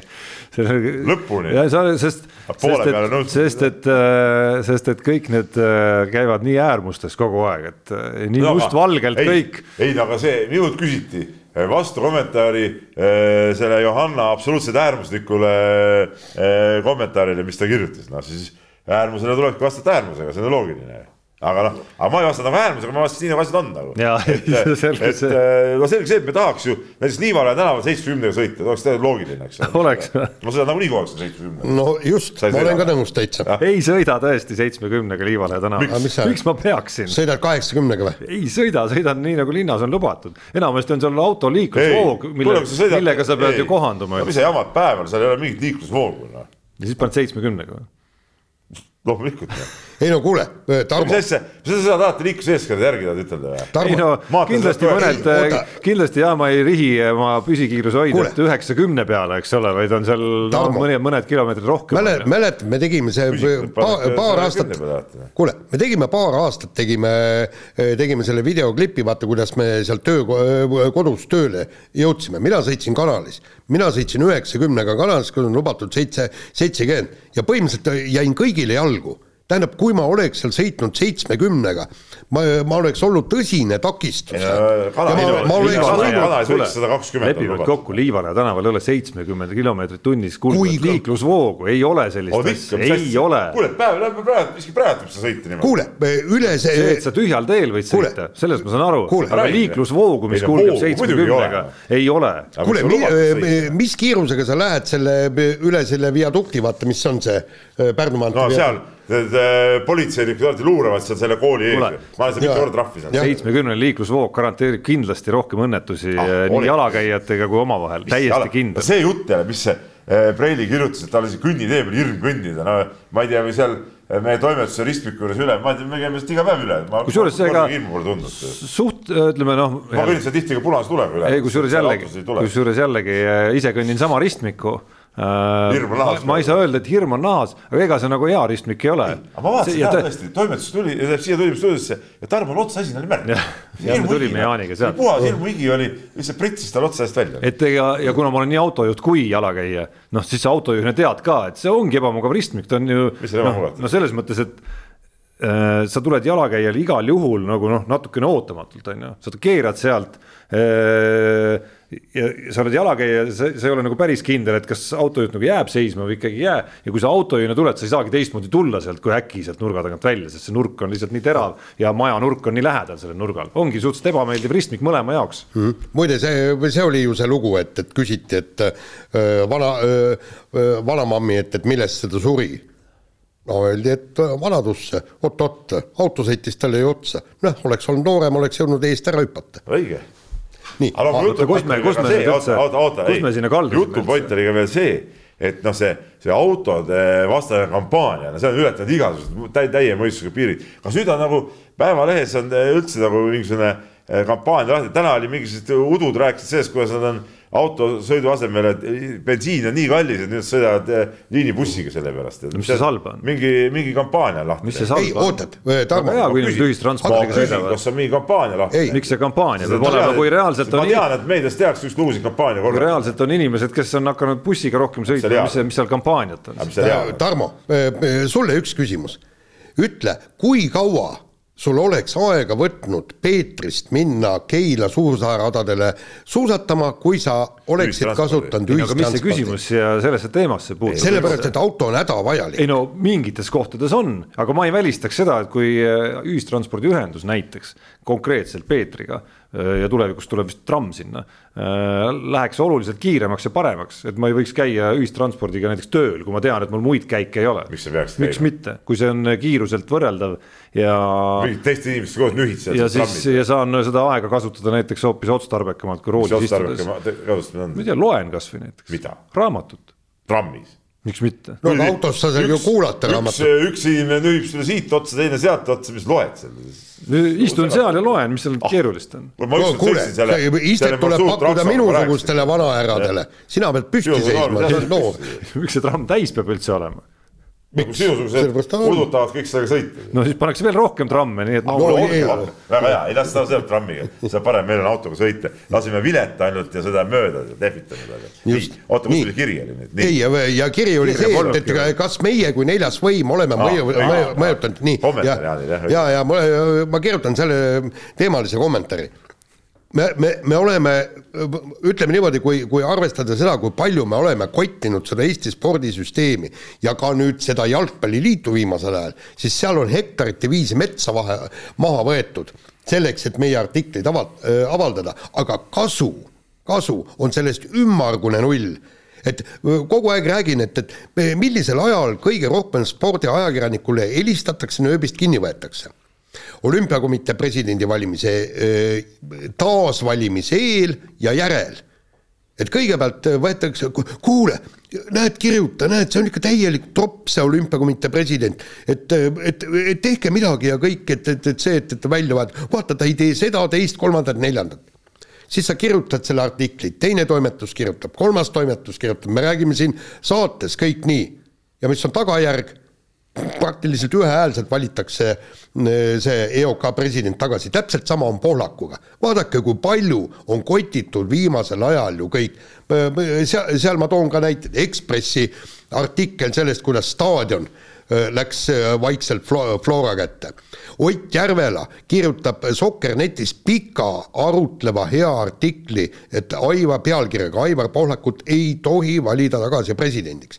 siis seal on veel igast asjad, võrreldakse Putiniga, näidatakse, kuidas Pohlaku käes on võim ja kuidas ta juhib. Sokkerit, ma hakkasin mõtlema, see Sokkeriti artikkel oli muidugi kahtlane, et, et Pohlaku enda portaal kirjutas, et ta oli tagasi valitud. ei, aga vahe, vahet ei ole. ei olnud nagu päris nagu puhas. ei, okei okay., tähendab, aga seal on neid artikleid kirjutatud ja mis on sellest kasu, tähendab, ühesõnaga me oleme teinud tööd, me oleme näina-, näidanud ära, mis on ebakõlad ja, ja, ja mis peaks olema põhjus, et miks Aivar Pohlak tagasi valida ei saa. aga meie ei saa otsustada, meie ei ole valijad ja mis on tulemus? Aivar Pohlak null vastuhäält, vastukandidaati ei ole, et ehk siis kas meie tööst on kasu? ei meie tööst ei ole kasu, kuna jalgpalliinimesed tahavad just täpselt kõike seda, et staadionid läheks Flora kätte, et äh, Pohlakul oleks võim jalgpalliklubide üle, et ta oleks äh, sisuliselt Surmani jalgpalliliidu president, jalgpalliinimesed tahavad. jaa, kas kuidagi kurb ei ole tõdeda, et viimase kolmekümne viie, neljakümne aasta töö on sul täiesti mõttetu. ei, aga absoluutselt, no tähendab selles mõttes ta, ta on ju kurb, vaata, vaata seesama ju äh, olümpiakomitee presidendi ümber, kui oli Siimann ja nüüd on äh, Sõõrumaa, vaata, mis me oleme enne kirjutanud, pärast kirjutanud, ajal oleme kirjutanud, mitte midagi ei muutu, absoluutselt mitte midagi, null no eks siin saab küsida, ma Priidu kirja võtsin, teadlase Priidiku kirja võtsin ka ette, et, et noh, kui hästi siis me oleme nagu ära näidanud nagu neid asju nagu veel täpsemalt, kuidas see võim täpselt nende klubide üle nagu siis käib, on ju. kuidas need mehhanismid käivad. ei, kõik on väga täpselt, ongi, loe selle Õhtulehe, Õhtulehe tõesti suurt ei, ja põhjalikku, võta, võta see Ekspressi artikkel selle staadioni kohta, mis oli lehekülgi ja, ja lehekülgi pikk, eks, seal oli kõik ära näidatud, eks et, et, et see, see, see on ja, ja nüüd nagu nad räägivad, mis on see kinoteater, kes, kes siis pani paugu, kuigi ta ju tegelikult võttis ja tsiteeris äh, ajakirjanduses ilmunud artikleid. vaatame, kas midagi muutub. järgmine kord presidendivalimised, kas vähemalt vastukandidaat tuleb, kas tuleb kas või üks vastuhääl Pohlakule. ja kui ei tule, noh, tõesti, töö tagajärg on null nii, lähme edasi, Ardo Sann kirjutab meile ja küsimus selline, et kas murdmaasuusatajad on lumehelbekesed? viimasel Davosi MK-etapil naissprindis oli alla neljakümne osaleja. Äh, Soome treeneritelt, sportlastelt küsiti arvamusi ja vastuseks oli, et kalender on liiga tihe ja väsitav. Äh, rääkides ühe Eesti treeneriga, arvas, et rahaliselt ei tasu igal pool osalemine ära ja FIS-i ametnikes on viga. võrdluseks, murdmaal on sel aastal MK-sarjas olnud koos teatesõitudega starte kaheksa laskesuusatamises aga kümme. lisaks murdmaal on päris palju sportlasi ka niinimetatud sprindi või distantsisõidule spetsialiseerunud äh, erinevalt siis äh, laskesuusatamisest. et osalejad napib, mida arvate, kas peitub viga kus peitub viga või on tegu tõesti lumehelbekestega nii sportlaste kui treenerite näol? no ütleme niimoodi, et, et tegelikult seda nagu minu meelest ei saa võrrelda, et ühed sõidavad rohkem, teised sõidavad vähem, sest noh, et ütleme, kui kõik laskesuusatajad on tõesti, nad, nende koormus on suurem, siis vastavalt kõik väsivad vastavalt sellele, eks ju. et, et, et kõik on hooaja lõpus väsinumad, eks. aga murdmaas on, on tõesti, kui me vaatame neid võistlusi, siis neid võistlusi on palju ja, ja probleem on ka väga suuresti rahaline, isegi Soome suusaliit juba hooaja algu, kuu aega enne hooaja algust ütles, et, et võistlusi on liiga palju ja me materiaalselt ei kannata seda kõike välja, me peame kuskilt siit-sealt mõnest võistlusest loobuma. vaata laskesuusatajate näha on see asi nagu kompaktsemaks tehtud noh, tegelikult. just. jah, ja seal. ja, ja, ja. kas seal on, kas seal ei ole ka see noh see teema, et kui palju siis, ma nüüd räägin asjast, millest me ei tea, et aga, aga rahaliselt kindlasti laskesuusatamine maailmas seisab parematel jalgadel kui murdmaasuusatamine, eks muidugi. ole, ibu versus FIS on ju. et kui palju üks või teine on suuteline noh, ütleme siis abistama reaalselt mm. ja andma oma panuse, et nad saaksid kohal käia ja, ja ei sõltuks sellest, kas nad on mõne sponsori leidnud või mitte. ja, ja teine asi on ju see, et, et kui me vaatame, kuidas see laskesuusatamine on, et seal etapid hakkavad kolmapäeval, neljapäeval, siis on vahepaus, mõni päev pausi, siis, siis sõidetakse jälle niimoodi, aga, aga murdmaas tavaliselt äh, pannakse kas kaks või kolm päeva, näiteks no Rugala oli kolm päeva äh, no,. minituur jaa, minituur, ei no okei okay,, pannakse, pannakse kolm päeva järjest ja kusjuures üks sõit on ikkagi kahekümnekildine sõit. nüüd oli Taavo siis, oli sprint ja kakskümmend kilomeetrit, on ju nii, nüüd tuleb Tour de Ski, kui paljud suusatajad valmistuvad Tour de, Tour de Skiks, vaata niisugust koormust laskesuusal ei ole. pange ka rahulikult kahekümne kilomeetrine distants, kümnekilomeetrine lühem distants, teatesõit. sõidetakse rasvuses ka harvemini kui sprinti. no just täpselt ja, ja, ja, ja pange ka nagu Tour de Ski ja lõpuks ronige ka sinna ja. mäkke ja mäe lõpu öö, otsas hakake tulistama. aga, aga. päris äge tegelikult ju. no see oleks äge jah minu arust siin on nagu arenguruumi laskesuusatajatel. absoluutselt, ei, aga tegelikult. miks need tiirud peab tegema, et tuleb laskumine staadionile, saavad seal pulsi alla nad natukenegi alla, hingamise natukene ja. korda on ju, et tuleks ikka tõusunuki otsa panema selle. kuulge ja me ja mida me räägime, paneme siis äh, siia kõrvale kergejõustiklased. palju meil on, kümnevõistlejad teevad kaks-kolm võistlust ainult, eks no. ja või, või siis võta Rasmus Mägi, ainult nelisada meetrit joosta ju jumal, seda võiks iga päev kolm korda teha ju, kui hakata võrrel-, võrdlema laskesuusatajate distantse äh,. nii äh,, Hunt äh, Karri veel äh, võttis ka ette mu selle kommentaari, aga ma, ma toon selle teise detaili siit välja, noh ta siin kirjutab nii, et äh, sinul on hea meel, maal, hea maal värsket õhku võtta ja siis tulla meile linna ja see täis tossutada ning siis maale tagasi minna, aga mõtle Tarmo peale, kes peab Peetris kõik selle tossu sisse hingama. Jaanist Kesklinas rääkimata, kuigi suvel saab ka maal oma kopse ravida. vot, aga ma tahaks öelda äh, hunt Karrile, et äh, selles ongi point ärge elage linnas, noh, ainult loll elab linnas. mis tuled sa linnas? ei noh, linn peabki olema, ei, linn ongi tööl käimise koht, noh. linn on mõeldud kontoriteks, tehasteks ja sihukesteks asjadeks, eks ole. see ei ole elamise koht. see ei ole elamise koht, tähendab see, kes siin tahab elada, kes tahab ennast nagu karistada millegagi, siis see võib linnas elada, palun väga see on ju rumalus, linnas elamine on täielik rumalus minu arust. miks peaks inimene tahtma elada mingis kortermajas, kivid, autod sõidavad, trammid kolisevad, eks ole.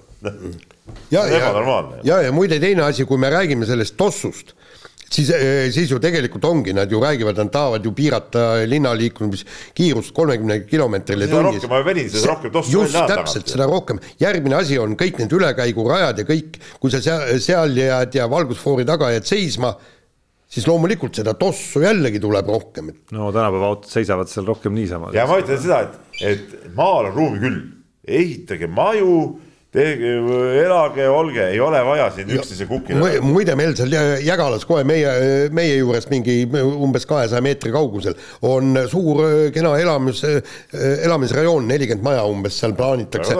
viimati käisin vaatamas, ainult kaks, kaks krunti ära ostetud, palun, kolmkümmend kaheksa krunti on alles. ja, ja nii lähedal linnale, suts autoga, autoga, ma rõhutan.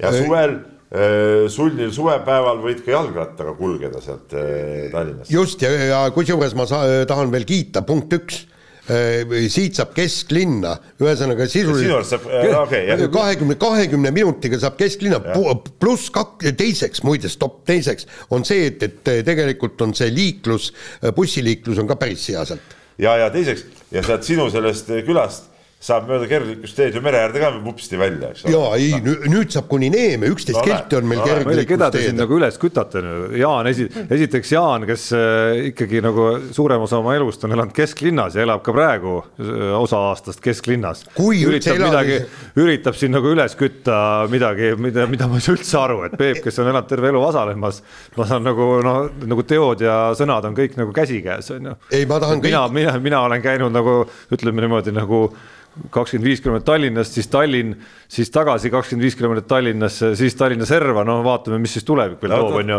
iga. vot sind ma ei mõista iga..., selles ongi tar, Tarmo asi. ma ei saa sinust nagu aru. saad aru, Tarmo, ma teen poliitikat, et nad kõik siit ära läheksid ja mul oleks rohkem ruumi siin Tallinnas elada no,. siis on ju väga lihtne, siis tulebki ju äh, põhimõtteliselt autoteed kesklinnas ära kaotada ja saadki oma unelmate keskkonna. siis enam ju töökohti ka siia tekitada. no ei, absoluutselt. paned auto eemale ja tuled trammiga tööle. kõik minu lapsepõlvemaa, seesama Pärnu maantee, vaata, kus meil oli väga hea ju, Eesti Ekspressis oli väga hea artikkel, see on see surnud tsoon kus, kus kõik need poed ja kohvikud ja kõik on pankrotti läinud. ega see kontor tingimata ei peagi kesklinnas asuma.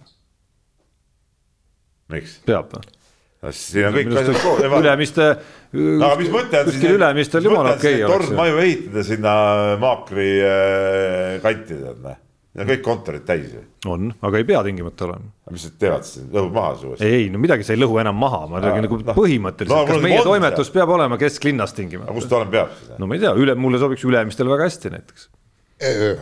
no aga kui sa vaatad. kusjuures et... ka sul oleks mugavam sinna tulla, näiteks. mööda ringteed. absoluutselt. aga noh ega ei pea, aga ma ütlen, paneme kesklinna üldse, siis äh, lõpetame kesklinnas elu ära. ei, miks elu ära, ega sellepärast elu ära ei kao siis.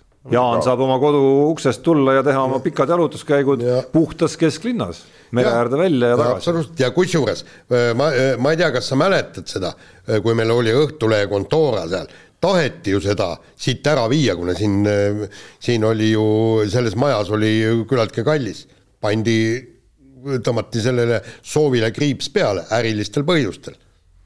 nojah, nii. mäletad, mäletad, Tarmo, seda? muidugi mäletan. no vot miks me siis ei kolinud, me kõik tahtsime. minult küsid seda. no sa oled ju ülemus mitte sellisel tasemel. ma ühe kiirelt veel ühe viimase kirja võtan, kell on ülipikk saade täna olnud. rekord vist, äh, tavasaate. Kaido kirjutab ja kirjutab nii, et äh, kuulasin just äh, Dirt, Dirtfishi podcast'i, kus David Evans, Rock Berry ja George Donaldson arutasid, missugune oleks nende arvates ideaalne WRC kalender.